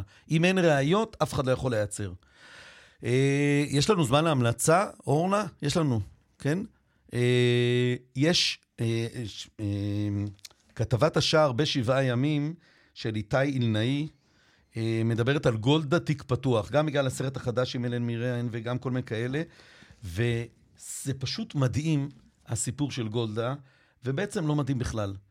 הכותרת משנה פה זה שבתודעה הישראלית היא התקבעה כאשת הברזל, את יודעת שאמרו עליה שהיא הגבר היחידי עם הביצים בממשלה. אה, שפספסה כל הזדמנות לשלום, וגם את ההתראות של מלחמת יום כיפור, אבל שורה של מחקרים טריים, המתבססים על מידע שרק עתה הותר לפרסום, שופכים אור חדש לגמרי על דמותה של ראש הממשלה. האישה היחידה שהייתה ראשת ממשלה בישראל, גולדה מאיר. 50 שנה ליום כיפור, הקרב על המורשת נפתח. ויש פה עוד כל מיני, אה, יש פה הרבה ציטוטים חשובים. כתבה שסופר חשוב לקרוא. עכשיו, אני במקרה, בגלל כל מיני סיבות, התחלתי לקרוא על גולדה בגלל האלמנטים החברתיים שלה. כי אני אני גדלתי על התחושה שהיא, היחס שלה לפנתרים השחורים, והיא המפאי השבעה והמנותקת והדכאנית כלפי המזרחים, לא נחמדים וכאלה. ואז גם הופתעתי לגלות עזבי את איך שהיא דיברה אליהם, זה ראובן אברג'יל אישית סיפר לי מה היא אמרה. אבל, אה, ש, שזה לא ראוי. אבל היא זאת שהובילה אחר כך את קצבאות הילדים, ואת חוק הסיוע המשפטי, ועוד כל מיני דברים. בעצם מה שאומרים בכתבה פה, זה שהיא mm. מורכבת. עכשיו, בגלל זה אני אומר, זה מצד אחד מדהים... אנחנו בעידן של שחיטת פרות קדושות, אל תפריע. לא, לא, אבל, אה, לא, הנה, גם, הנה, זה היה בעידן 73. בזכות כוחו של משה דיין, שהוא היה נזק גדול מאוד, כנראה היה תקופה שהוא היה טוב ואחרי זה לא, אבל גם משה דיין, גם הוא דמות מורכבת, ויש לו יתרונות ויש לו חסרונות, והיו לו, ואותו דבר גולדה, ואותו דבר, לא יודע מה, ואותו דבר נתניהו, ואותו דבר אהוד ברק. אנשים מורכבים. ואנחנו צריכים לקבל את זה במסגרת, עכשיו, ברגע שאנחנו נשלטים על ידי פלגים קיצוניים קנאים, שאצלם... רגע, לא, לא, אבל יש גם שחור ולבן, יש גם אמת אחת. מה זה מורכבים? כשאהוד ברק, אה, זקנתו מביישת את בחרותו ואומר, אתמול אני קורא לאנשי המ"מ והיחידות לא לשרת, אנחנו במקום מסוכן, הוא כבר לא מורכב. הוא איבד את הלגיטימיות לא, שנייה, להשמיע את קולו. גם, גם גולדה מאיר, יכול להיות, שאיבדה את הלגיטימיות על מה שהיא עשתה, שהיא נשענה על משה דיין ולא יודע מה, בסדר? דברים כאלה, לא משנה. יכול להיות שגם שם היא עשתה משגה ענק, אבל כשמסתכלים על אנשים, יש להם את כל, יש להם, אנשים זה דבר מורכב, גם אני ואת טעינו לא מעט וצדקנו לא מעט, וזה עניין מורכב. ו, ובעצם הכתבה הזאת, מצד אחד סיימתי לקרוא אותה, אמרתי, בוא'נה, זה מעניין ממש, כי אני על יום כיפור חשבתי שזה עקב אכילס שלה. החברתיות בעדה, עקב אכילס שלה זה זה. ועכשיו אני אומר, אפילו זה לא נכון, אבל זה לא רק עניין של שחיטת פרות קדושות, או במקרה הזה הפוך, אה, תיקון פרה שחוטה, אה, השבתה לחיים, אלא באמת העסק הזה הוא מורכב. ולמה אני אומר את זה, אמילי? כי גם נתניהו, ש... ומה ש... הממשלה הנוכחית שהיא ממשלה רעה בעיניי מאוד, וקיצונית מאוד, בגלל זה כשאת אומרת 64 מול 50, זה לא מדויק. זה לא מדויק לא בגלל שה-64 נגד הרפורמה המשפטית, או בעד הרפורמה המשפטית, אלא כי בעצם הממשלה הזאת היא ממשלה שנשלטת על ידי קווים קיצוניים, גם בגלל מחנה שלם, שאני כאילו משתייך אליו, אני לא משתייך לאף אחד, אני הומלס, ש, ש, ש, שבעצם סימן את נתניהו, נלחם נגדו, פסל אותו, כי בממשלה נורמלית, אה, מספר 4 במפלגה קיצונית לא היה מנהל לנו את ועדת החוקה, ולא היה לנו שר אוצר ממפלגה קטנה, ועוד כל מיני דברים כאלה. היו יושבים שם בני גנץ ויאיר לפיד וכולי, ולא היינו... ואולי היה סוף כל סוף תיקון, אבל לא היה רפורמה מהסגנון הזה. ואני אומר, אותו דבר על גולדה, מה שכותבים על גולדה, אני מניח שבעוד איקס שנים יכתבו על נתניהו, ורק חבל שאנחנו בזמן הווה משלמים כזה מחיר על ה... כי הוא גם דמות מורכבת עם חסרונות וכולי, אבל הפסילה המוחלטת הביאה להקמתה של הממשלה הבאמת קיצונית הזאת, ולכן בעיניי זה כאילו מדהים, וזה לא מדהים, וזה עצוב שרק אחרי 50 שנה אה, יהיה מי שיודה בדברים האלה, בעיניי. טוב, יש לנו פרסומות לדעתי המון. כן? לא רוצים שיר על... אה, אין לנו זמן? לא יהיה לך זמן, יש לך שני אייטמים עוד, ואז חור בהשכלה, וזה, אה, לא, לא, צריך ללכת לפרסומות. וואי, רצינו אבל לכהן, חופני כהן, הלך לעולמו. אני לא חושבת שאנחנו למצב, אני על ה... אתה על זה? אני על זה. יאללה, אני סומך עלייך. חזרנו, ואנחנו אה, ממשיכים. מי מהם איתנו? אנחנו פשוט עשינו... אה, כן. ונמצא איתנו עמי מגן, מנהל כפר הנוער הדסה, נעורים. אנחנו רוצים לדבר על מה שהעלינו פה גם אה, לפני כמה שבועות. כפרי הנוער והפנימיות לילדים מעניקים בית ומסגרת לאלפי ילדים ונערים במצבי סיכון. אבל כמו שלמדנו מכתבה של ישי אלמקייס במקור ראשון, הפער התקציבי מצטבר לעשרות שנים ומאיים, אתם ממש נמצאים לפני קריסה. אה, גם הקושי לגייס מדריכים לעבודה התובענית הזאת, גם אה, משבר תקציבי גדול, אה, בעצם איום על עצם קיום כפרי הנוער והפנימיות בישראל. אז, אז קודם כל בוקר טוב, בוקר טוב לכם ולמאזינים, ותודה שאתם מקדישים לנו את, ה, את הזמן, כי כפרי הנוער בעצם זה... תודה לך על מלאכת הקודש שאתה עושה, עמי. סליחה, אתה וכולם, לא, כל מי שעוסקים במקום. המוזנח הזה מבחינת התקציבים והכול, אז קודם כל תודה לכם. אז, אז קודם, קודם כל יש לנו זכות, אנחנו באמת, אה, הפסיפס של החברה הישראלית, במיוחד בתקופות כאלה, בשנים קשות, אה, בשנה האחרונה, כל, כל החברה הישראלית עוברת בכפרי הנוער ויש לנו זכות אה, להיות חלק בחיים שלהם. וכפרי הנוער, 46 במספר ועוד מאות של פנימיות. כפר הנוער הראשון מקווה ישראל, 1870, שתבינו כמה זמן לפני הקמת מדינת ישראל, וכמובן אחרי הקמת המדינה עוד כפרים שעולים לשטח, ובעצם נותנים הזדמנות שווה לילדים וילדות, בני נוער, אה, ואני בדגש על הזדמנות שווה, לא הזדמנות שנייה ולא הזדמנות שלישית, אלא הזדמנות שווה אה, לכל אחד מהילדים לכתוב תוכנית עתיד מיטבית ולהצליח בחיים, ובסופו של דבר המטרה אה, שיהיו אזרחים מועילים בחברה הישראלית ותורמים למדינה ונותנים את החלק שלהם לכל מה שנעשה. ולצערי בשנים האחרונות כולנו חווים קשיים כלכליים. המשרד, לצד התמיכה שהוא נותן לאורך כל השנים... המשרד שאנחנו מדברים עליו הוא משרד החינוך. משרד החינוך, הוא משרד החינוך. לאורך כל השנים נתן את התמיכה, הייתי אומר, המספקת. הפערים של השנים האחרונות התחילו להצטבר, והיום אנחנו מדברים על פער של 56 מיליון שקל בשנה לכלל כפרי הנוער, וזה לא כסף גדול במונחים של משרד החינוך, שהתקציב שלו קרוב ל-80 מיליארד שקל. ועדיין הפער הזה הוא מאוד מאוד קשה לכל אחד מהכפרים לסגור אותו. זה האירוע הראשון שאנחנו מתמודדים איתו. ומה אומר השר קיש? מה אומר השר ביטון? יש שר במשרד ה... תראה, אני אגיד... אני אגיד או שאתה לא רוצה, אם אתה לא רוצה להיכנס לזה, בסדר, כי זה מכעיס מאוד לשמוע שיש פער של 56 מיליון שקלים, ואין שכר מינימום למדריכים מתחילים. אני כבר לא מדבר על מה שהאוצר עשה עכשיו עם התקנות החדשות, שהם יקבלו בסוף השנה מענק, כאילו סטודנטים חדשים, אתה יודע, הרבה עובדים שם לצערי הם סטודנטים בגלל השכר הנמוך. כן. אז הם, הם, אם הם יישארו עד הסוף ב-100 אחוזים, הם יקבלו מענק, הכל כדי לא לתת להם שכר טיפה יותר גבוה, ואפילו 40 שקל לשעה כן, עבודה זה, באמת. זה, זה סוגיה נוספת שעוד שנייה אני, אני רק אגיד, אני רק אגיד שהמשרד כן יושב איתנו הרבה מקדיש זמן, ואני אגיד בכנות, שזה משהו שנמשך כבר עם כמה ממשלות לאחרונה, כל, ה, כל השיח הזה. הש, השנה קיבלנו תוספת, עכשיו נסגרה תוספת, אבל היא תוספת חלקית ממה שביקשנו. אתם כל פעם נלחמים על איזה פירור נכון, ממלחמה נכון, למלחמה. מה זה נלחמים על פירור? אנחנו מגיעים לוועדות בכנסת, מגיעים לוועדות הכספים. עמי, אבל מי הגורם? אתם מגיעים לוועדת הכספים אחרי שהמציאות הכלכלית גרמה, למשל, אומר דני גילדין, יושב ראש תא כפרי נכון, הנוער, אומר, נכון. יש כפרים שהפסיקו לשלם לספקים. כפרים שלא מעבירים כספים למס הכנסה וביטוח לאומי, כי המערכת בקריסה. נכון, דוחים תשלומים. נכון, דוחים תשלומים. אני לא רוצה להגיד אם זו פנימייה, כפר נוער וכולי.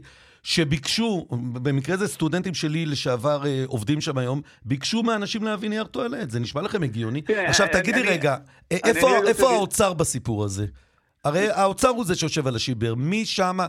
זה, כן אנחנו צריכים להגיע לרמה הזאת. איזה רפרנט חושב לך, שזה לך, טוב לחסוך לך. על זה שבמקום לקבל 40 שקל לשעה, הם יקבלו 30 שקל לשעה, ואז הם יקבלו מענק? אני, אני, חושב, אני, חושב שזה, אני חושב שזה הרבה, הרבה מעבר לזה, כי זה לא רק... זה קודם כל גם האוצר כמובן, האוצר בשכר מדריכים הוא, הדבר, הוא הגורם המשמעותי, ובגלל זה אנחנו מתקשים גם לקבל אנשי צוות איכותיים טובים שנשארים איתנו לאורך זמן, כי כמה זמן השליחות יכולה להחזיק אותך? היא תחזיק אותך שנה, היא תחזיק אותך שנתיים, היא לא תחזיק אותך שלוש וארבע שנים. והיום כשאני פוגש תלמידי י"ב, ואני אומר להם, מה הדבר שהכי היה קשה לכם במהלך ההתחנכות? הם אומרים לי, זה שהתחלף לנו מדריך כל שנה בערך. אוי. ומאוד קשה להחזיק אנשים חמודים. טובים, במיוחד לבני נוער כמו שלנו, שתהליך רכישת האמון הוא, הוא, הוא תהליך. מאוד אה, אה, משמעותי. והעבודה שוחקת, של... העבודה היא כן. שוחקת בצורה בלתי רגילה.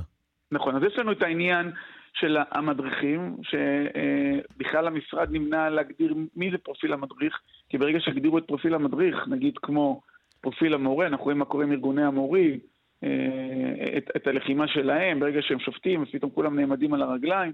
אנחנו מדברים פה על אוכלוסייה מאוד קטנה, אנחנו מדברים בכפרי הנוער על 11,000 אה, אה, חניכים וחניכות, שאר הפנימיות בארץ מגיע לקרוב ל-20-22 אלף, לא באמת, אני חושב, מעניין הרבה אנשים. אה, הייתה שביתה לפני חודש שפטו יום אחד, לא נראה לי שזה תפס כותרות בכלל, אנחנו לא הרגשנו שזה תפס כותרות. צריך לפרגן למקור ראשון ששמו את זה בשער של נכון, יומן. נכון, אה, כן. החלטה ראשונה של אלעד טנא כעורך, זה היה המוסף הראשון שהוא ערך, לשים את זה על השער, מתוך הבנה שהפצע החברתי הזה, כמה שהוא קטן, הוא, הוא, הוא החצר הכי חשובה. גם כתבה מאוד מקיפה, מאוד טובה, עם כן. נתונים, עשו שם עבודה נהדרת. אתה אומר, אין סטנדרטיזציה לפרופיל של, של המדריך, יש גם זילות בתפקיד. נכון. זה מתווסף לזה שהתקצוב הוא, הוא קשה מאוד ופער תקציבי של עשרות כן. שנים, שרובץ עליכם, צריך פשוט לעשות איזה מין אישור קו פעם אחת, וחסרים לכם עשרות מיליונים. יושב שר... אנשים לא מבינים את כפר אנשים לא מבינים את כפר הנוער. אני אגיד את זה בצורה כזאת. ילד שמגיע לכפר הנוער, 70-80% מהילדים שמגיעים לכפרי הנוער, אם הם לא יגיעו לכפרי הנוער, שנה אחר כך סביר להניח שהם הגיעו למוסדות פנימייתיים של הרווחה. למעון נעול וכמותו. ילד, ילד במוסד פנימייתי של הרווחה עולה למדינה פי שלוש מילד בכפר הנוער. שתבינו את האירוע הזה. עכשיו, לא כולם מבינים את זה, כי אנחנו אומרים, אנחנו תמיד אומרים שלילדים באתם מבחירה וזה נרטיב של הצלחה, כי אנחנו לא מתעסקים במצב שכל אחד מגיע, אנחנו מתעסקים בארבע קירות. במרחב הציבורי אנחנו נדבר על חוזק, נדבר על תמונת עתיד מיטבית, אנחנו פחות נתמסכן, אלא אנחנו נגיע לוועדות אולי, אבל מול הילדים זה לא יקרה. יבואו אלינו ביקורים, אנחנו נראה רק את הדברים הטובים ורק את ההצלחות, כי ככה אנחנו מחנכים את הילדים. אנחנו לא רוצים להשאיר אותם בתודעה של מסכנות. אבל... לא רוצים להשאיר אותם בתודעה של מסכנות. אז יש פה איזה פער, איך אתה, איך אתה מגשר נכון, על הפער? מול הילד אתה רוצה להגיד, אין עלינו, אנחנו הכי טובים לא, בעולם. מול המדינה אתה אומר, אנחנו קורסים. לא אבל... רוצים לתת לאנשי האוצר לפגוש את הילדים, שהילדים יבכו להם, יגידו להם, חסר לי ככה, לא. אבל תראה, אבל כל מי שמכיר... איך לא, לא תילחם בלי בכיינות? איך הוא יילחם בלי בכיינות? אז אני רוצה להגיד, לא צריך פה לבכות, כי הדברים הם מאוד ברורים, וכל אחד שרואה, ועדיין ממשלה אחרי ממשלה, אבל עכשיו יש... למה שאלתי אותך על השר חיים ביטון? כי אם להבנתי, ואני לא... אני לא עוסק באופן אה, כאילו צמוד לכפרי נוער ופנימיות, הוא זה שאחראי בתוך משרד החינוך היום על, על החוליה, הוא או יעקב מרגי, שר הרווחה. תראה, אני רוצה לפרגן, אני רוצה לפרגן ליוסף, אה, טייב, יושב ראש ועדת חינוך. אוקיי. הוא לקח את זה קרוב לליבו. הוא עשה דיונים מיוחדים, אני מזמן לא הייתי בבליץ של דיונים ככה בכנסת. חבר הכנסת טייב, אתה מדבר? יחד עם דני גילדין אנחנו, אנחנו אה, נמצאים שם בפורום תא מנהלי הכפרים. אה, לקח את זה לליבו, הצליח גם להשיג תקצוב, אמנם חלקי, הצליח להשיג תקצוב מסוים. אנחנו, יש לנו חברת לובי שמלווה אותנו ביחסי ציבור, להרים את הסיפור הזה לכותרות. הנה, זה גם, אתה מבין, אתה מבין למה, אני, אז אגב, זה פרוטות, אה, חברת לובי, כן? לא פרוטות, אבל אתה יודע, כן. כאילו, לעומת הסכום הזה, אבל... כאילו, אלוהים אדירים. אז עכשיו יש לנו חברת לובינג שעושה כסף מזה, ועוד שני איזה אה, יחצנים לא, שיעשו כסף.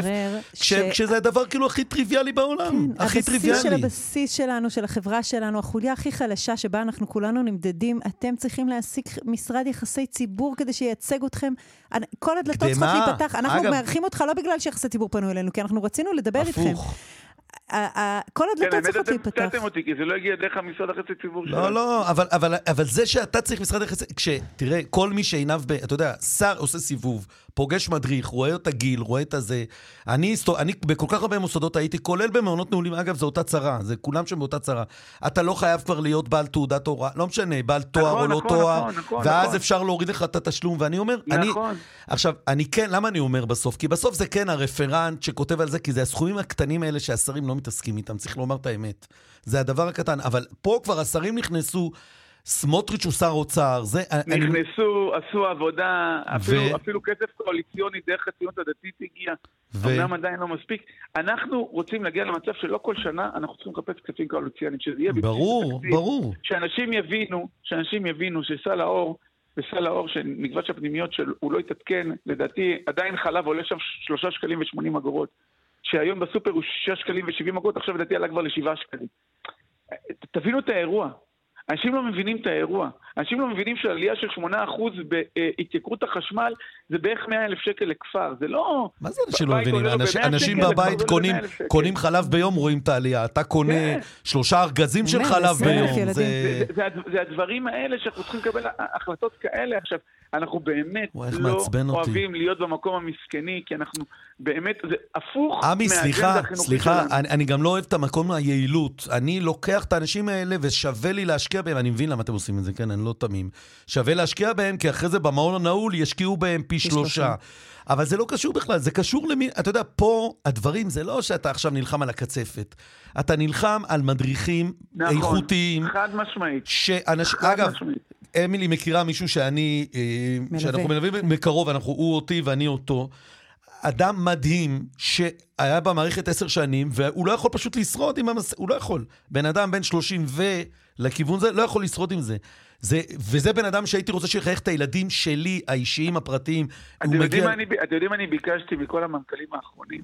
מנכ"לי משרד החינוך, אתה מתכוון. כן, תהיו אמיצים, ויחד עם האוצר, תודיעו שאתם משווים את שכר המדריך בפנימייה לשכר המורה בבית ספר. וואי.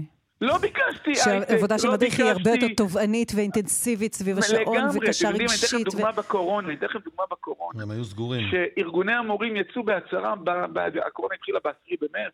ב-15 במרץ כבר התחילו אה, ארגוני המורים להגיד, המורים לא יכולים לעבוד עם הילדים, לא יידבקו. מדריכי הפנימייה היו 24-7 במבנים, יחד עם הילדים, להיות שם. ואנחנו מדברים יתרה מזאת, שהכפר מצליח באחוזי בגרות שלו, שצוות הפנימיה מפרפר על אחוזי בגרות, אז, אז המורים מקבלים תגמול דיפרנציאלי ומגיע להם, אני לא, אני לא מוחה על המורים. ברור, ברור, אבל המדריכים לא. מגיע להם, אבל המדריך לא מקבל. תגיד לי, עמי, לא אנחנו לקראת הקצה, זה, זה, עכשיו יתחיל הוויכוח, לא יתחיל הוויכוח. אבל בפועל זה קשור לעניין ההפרטה, נכון? בוא נהיה רגע כנים. הפריטו את הרבה, ויש חברות שבדרך חוטפות. יש כל... הנה, לא, הזכרת לא, את אני, היחצנים, אני, אני, חותכים לא, קופון, לא. חותכים קופון, חותכים לא, קופון. זה עשרות לא, שנים המצב פער הזה. זה פער של עשרות שנים. בסדר, אפשר, להלאים מחדש את המסגרות, למה אני צריך את זה חברות? לא, לא, אני חייב להגיד שהיום, במציאות של היום, שמשרד, שחסר כסף, דווקא הבעלויות ודווקא החברות, אני לא מדבר על הרווחה, אתה צודק ברווחה, אני לא נכנס, אני פחות מכיר את הסיפור, אני מדבר אצלנו. כפרי הנוער של משרד החינוך, זה לא הסיפור. הסיפור הוא, להפך, דווקא, דווקא פה הבעלויות, רשתות גדולות, מכניסות כסף לתוך הכפרים היום. Mm. הסיפור הוא תקצור הגון לפי מדד המחירים, לפי... תקצוב הגון. Mm-hmm. אנחנו לא מדברים עכשיו על קצפת, אתה אמרת בעצמך, אני מדבר על לחם וחמאה, אני מדבר על היכולת להבין... אל תגיד חמאה, אל תגיד חמאה, לחם ומרגרינה. לחם ומרגרינה. היום מרגרינה לא בריא, זה לחם וזהו. כן. עמי, תקשיב, אנחנו... אה, וואי, אמילי אמרה לי, אני לא האמנתי כשהיא אמרה לי, אתה חייב לקרוא את הכתבה הזאת. אני כל כך הרבה שנים עוסק בנושאים האלה. רגע, אמילי, את עברת אצלנו בנעורים, לא באיזושהי תקופה בחיים. אה, בתור מדריכה לא. לא, בתור עיתונאית ביקרתי הרבה בכפרים. לא, לא, לא, הוא מתכוון, לא. מה? לא, לא, התשובה היא לא. אה, שאני כן. עצמי? לא, לא בתור לא, חניכה? לא, לא, לא, למדתי באולפן התופעה. לא, היא... זו הייתה אמילי אחרת. לא, אי אפשר באמת, אה, אי אפשר להאשים אף אחד אחר בזה. אגב, גם ההורים שלה לא אשמים. מה שהיא היום, זה בדיוק היא. זה הבעיה. עמי, הנה סיימנו עם חיוך, אנחנו נעקוב אחריך. אתה מהדס הנעורים, כן. ויש לכם, אה, אנחנו באמת עפר לרגליכם, יש לך פה דלת פתוחה בתוכנית שלנו. אה, אם יהיה איזה עדכונים של משהו טוב שקורה, אנחנו נשמח מאוד לספר על זה למאזינים שלנו. אנחנו ממש נשמח. ואנחנו פונים לשר קיש. נפגשנו עם המנכ"ל לפני יומיים, הוא mm-hmm. לקח משימות לתשומת ליבו. המנכ"ל זה מנכ"ל משרד החינוך. מנכ"ל החינוך. והרווחה גם מולכם. הרווחה, כאילו לא אנחנו כפרי הנוער עובדים מול משרד החינוך, נכון. יש פנימיות שעובדות מול הרווחה, אנחנו עובדים בעיקר מול משרד החינוך. הפתרון צריך להיות כוללני, והיום במקרה כן. יש שר מש"ס במשרד החינוך, השר ביטון, ויש את מרגי, השר מרגי, וחברים, מדובר... מותר לי להגיד משהו דמגוגי שאתם לא תגיעו? במקום להתעסק בכל מיני דברים שקשורים לראש התנועה, אולי תעסקו בתקציב השולי הזה של המיליונים, ואני יודע שזה דמגוגי, אבל עדיין חשוב לי לומר את זה. כן. על זה ש"ס תיבחן, ולא על הסידורי העבודה של כל מיני מקורבים. עמי מגן, בהצלחה. תודה, תודה רבה, תעדכנו אותנו על דברים טובים. תודה לכם על הזמן, זה לא מובן שבת שלום. תודה, שלום, שלום. ביי. ביי. חזרנו. אה, הנה קטע מתוך אה, פוסט שראיתי. אה, שמי עמינדב, אני נשוי ואב לחמישה, ועברתי תקיפה מינית כילד במשך שנים רבות. זהו, אמרתי את זה. קשה לראות את זה שחור על גבי מסך, קשה להודות שזה לא היה חלום בלהות. שנים שזה מכרסם בי, תקיפה מינית לא עוברת אף פעם, אני מרגיש את זה בגוף שלי, ביכולת שלי ליצור קשרים עם אנשים, לעבוד, להיות אבא, להיות בן זוג, לחיות, כן, לחיות, בלי לקפוץ כל פעם שמישהו בטעות נוגע בי, בלי להיות מוצף טריגרים כשהבן שלי מזכיר לי אותי. בוקר טוב, עמינדב וייס. בוקר טוב. שלום, עמינדב. אתה גם אה, מוסיף עוד שורה פה. אני לא חושב שהייתי מסוגל לעשות את זה לולא חבריי ביוצאים לאור. מה זה יוצאים, מה זה יוצאים לאור? טוב, בגדול יוצאים לאור זה עמותה, אה, עכשיו זה עמותה, אבל זה הוקם מהשטח, בחור בשם אחיקם אלירז, אה, הבין לפני שלוש שנים בערך אה, שלמעשה אין אף קבוצה, קבוצות תמיכה של אנשים שנפגעו, אני אומר בכוונה שאני חושב שאנשים נפגעו מינית, כי יש קבוצות צמיחה של מכורים, ויש שיטה של נושא השלבים, אבל לתקופות מיניות אין קבוצות תמיכה. ולמעשה לפני שלוש שנים הוא הקים את זה עם עוד uh, כמה חבר'ה, שפשוט uh, נפגשו למעגלי שיח, uh, המילים יוצאים לאור, היציאה הזאת שלך בפייסבוק, אני נשוי ואב לחמישה, גם אגב גבר כן. דתי. אה, בילדות שלי הייתי במקום הכי חלש. זה שאתה מניח את זה, שחור על גבי מסך, אה, מצליח להניח לשנים של ההדחקה ושל ההסתרה ואולי אפילו הבושה, ומציף את זה החוצה, זה עוזר? היציאה הזאת לאור?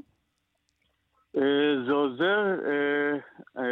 כן, זה מאוד עוזר, כי בסופו של דבר, אה, אני עברתי לפני שנה וחצי תאונת דרכים, ועד עכשיו אני סובל מכאבים כרוניים בעקבות התאונה. וכשהייתי בשיקום אמרו לי, אוקיי, יש אה, עניין של גוף נפש. ו... ופתאום כאילו כל הסיפור הזה של הפגיעה המינית עלתה בי, כי אם זה קשור לגוף נפש אז כנראה יש בעיות, אה, וזה עלה לי שוב פעם. ו...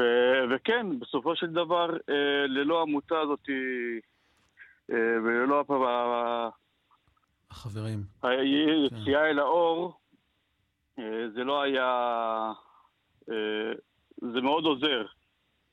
עמינדב, אנחנו שומעים שגם עכשיו קשה לך לדבר. שאתה מתרגש מאוד. אנחנו מעריכים את זה שאתה איתנו. אה, אנחנו מאוד מאוד מעריכים את זה. זה באמת, כנראה, אחת הפעמים הראשונות שאתה יוצא עם הסיפור שלך החוצה, זה באמת אה, ראוי להערכה. איזו יד אתה שולח לכל כך הרבה אנשים וכל כך הרבה גברים אחרים שנפגעים בתקיפה מינית. ואתה מספר לנו ששום דבר לא היה יכול לעזור כמו להיות בקבוצת השווים. אותם אנשים, גברים, בני גילך, חלקם אבות, שיודעים מה זה, שהם היו שם, שהם היו במקום השורף והכאוב הזה, וה, וה, והקבוצת תמיכה הזאת היא, היא המרפא.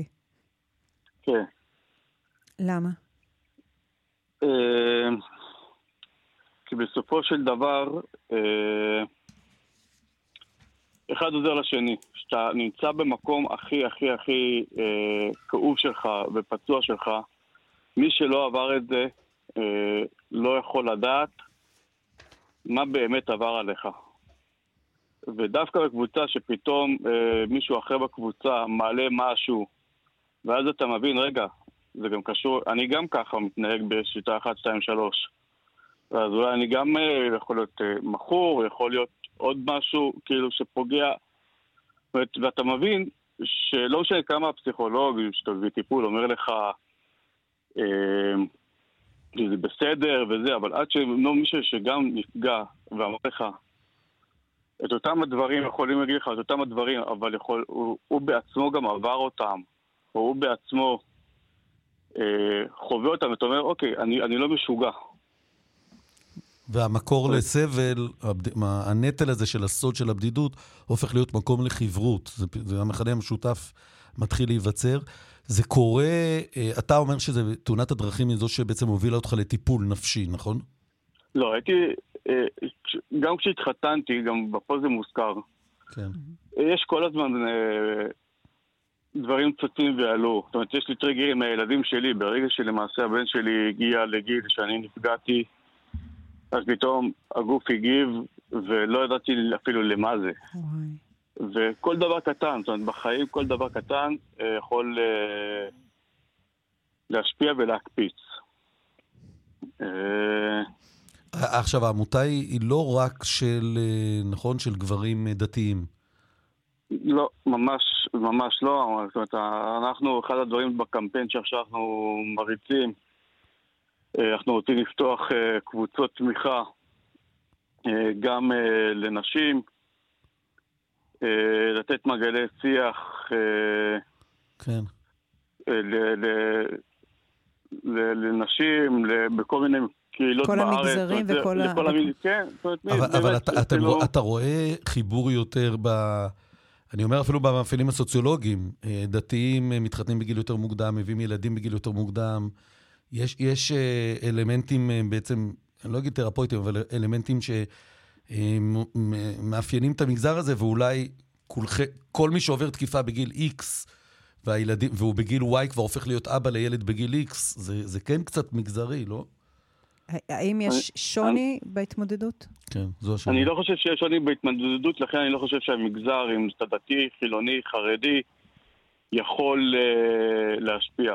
בסופו של דבר, בגלל שכולנו נפגענו, לא משנה איזה גיל, זה יכול להיות גם אה, אנשים שנפגעו גם בגיל מאוחר, לא משנה איזה גיל. ברגע שאתה נפגע, אז אתה, אתה חלק מזה. כן. כן.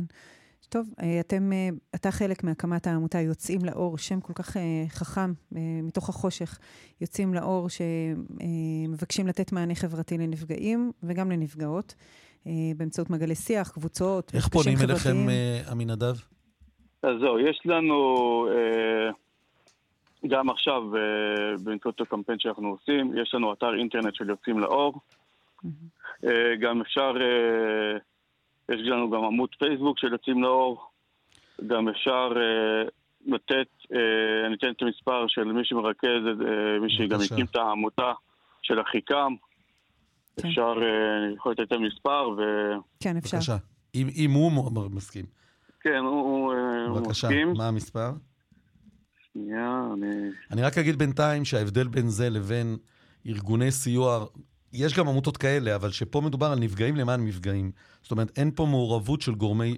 גורמים אחרים, נקרא לזה, כמו שיש במרכזי, במרכזי הסיוע, מה שנקרא עזרה עצמית. לנפגעי כן. ונפגעות תקיפה מינית, שיש כן. כבר בארץ עשרות שנים. אתם בעצם יוצרים מין קהילה כן. כזאת של הנפגעים. יוצרים מין קהילה, כל המטרה זה גם... לא, גם שם יש קהילות, אבל פה זה רק, זה, זה כאילו, גורמי המקצוע זזים טיפה הצידה, ומי שמוביל את זה זה הנפגעים. אז מספרו של אחיקם?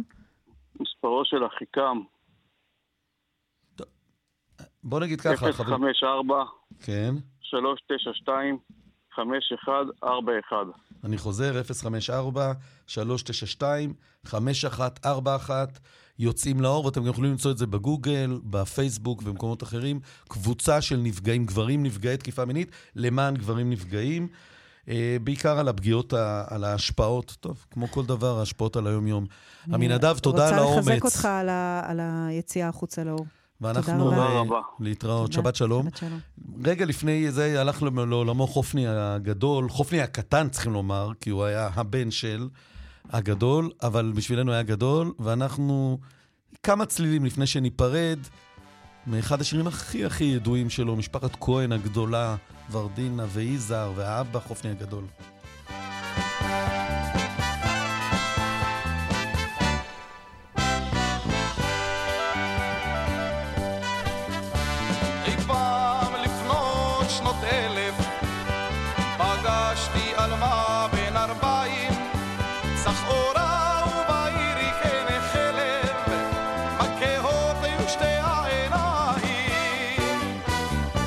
כשהשמש עולה, לה לה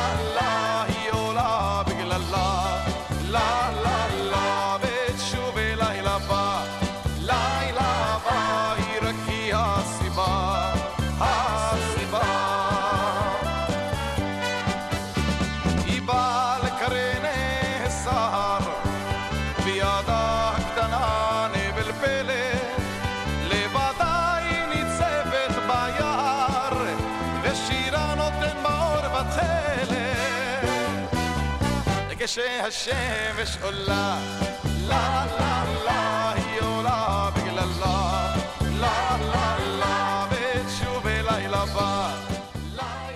חופני, יהי זכרו ברוך. תודה לכם, תודה לשמעון דוקרקר, אורנה ברוכמן, אורנה, אה, אורית אה, שולץ. אנחנו נהיה פה גם בשבוע הבא, ואני אהיה גם ביום שלישי בתוכנית חדשה ששמה הכל שפיט, ביום שלישי הקרוב, בתשע בערב, תוכנית משפטית חדשה של כאן רשת ב'. בהצלחה. אני הגעתי לכאן אחרי שבועיים מאוד קשים בבית חולים, ואני הצלחתי לשדר רק בזכותכם. תודה רבה גם למאזינים שאתם נכון, שם. נכון, ותודה לך שאתם כאן. שבת שלום חברים. שבת שלום.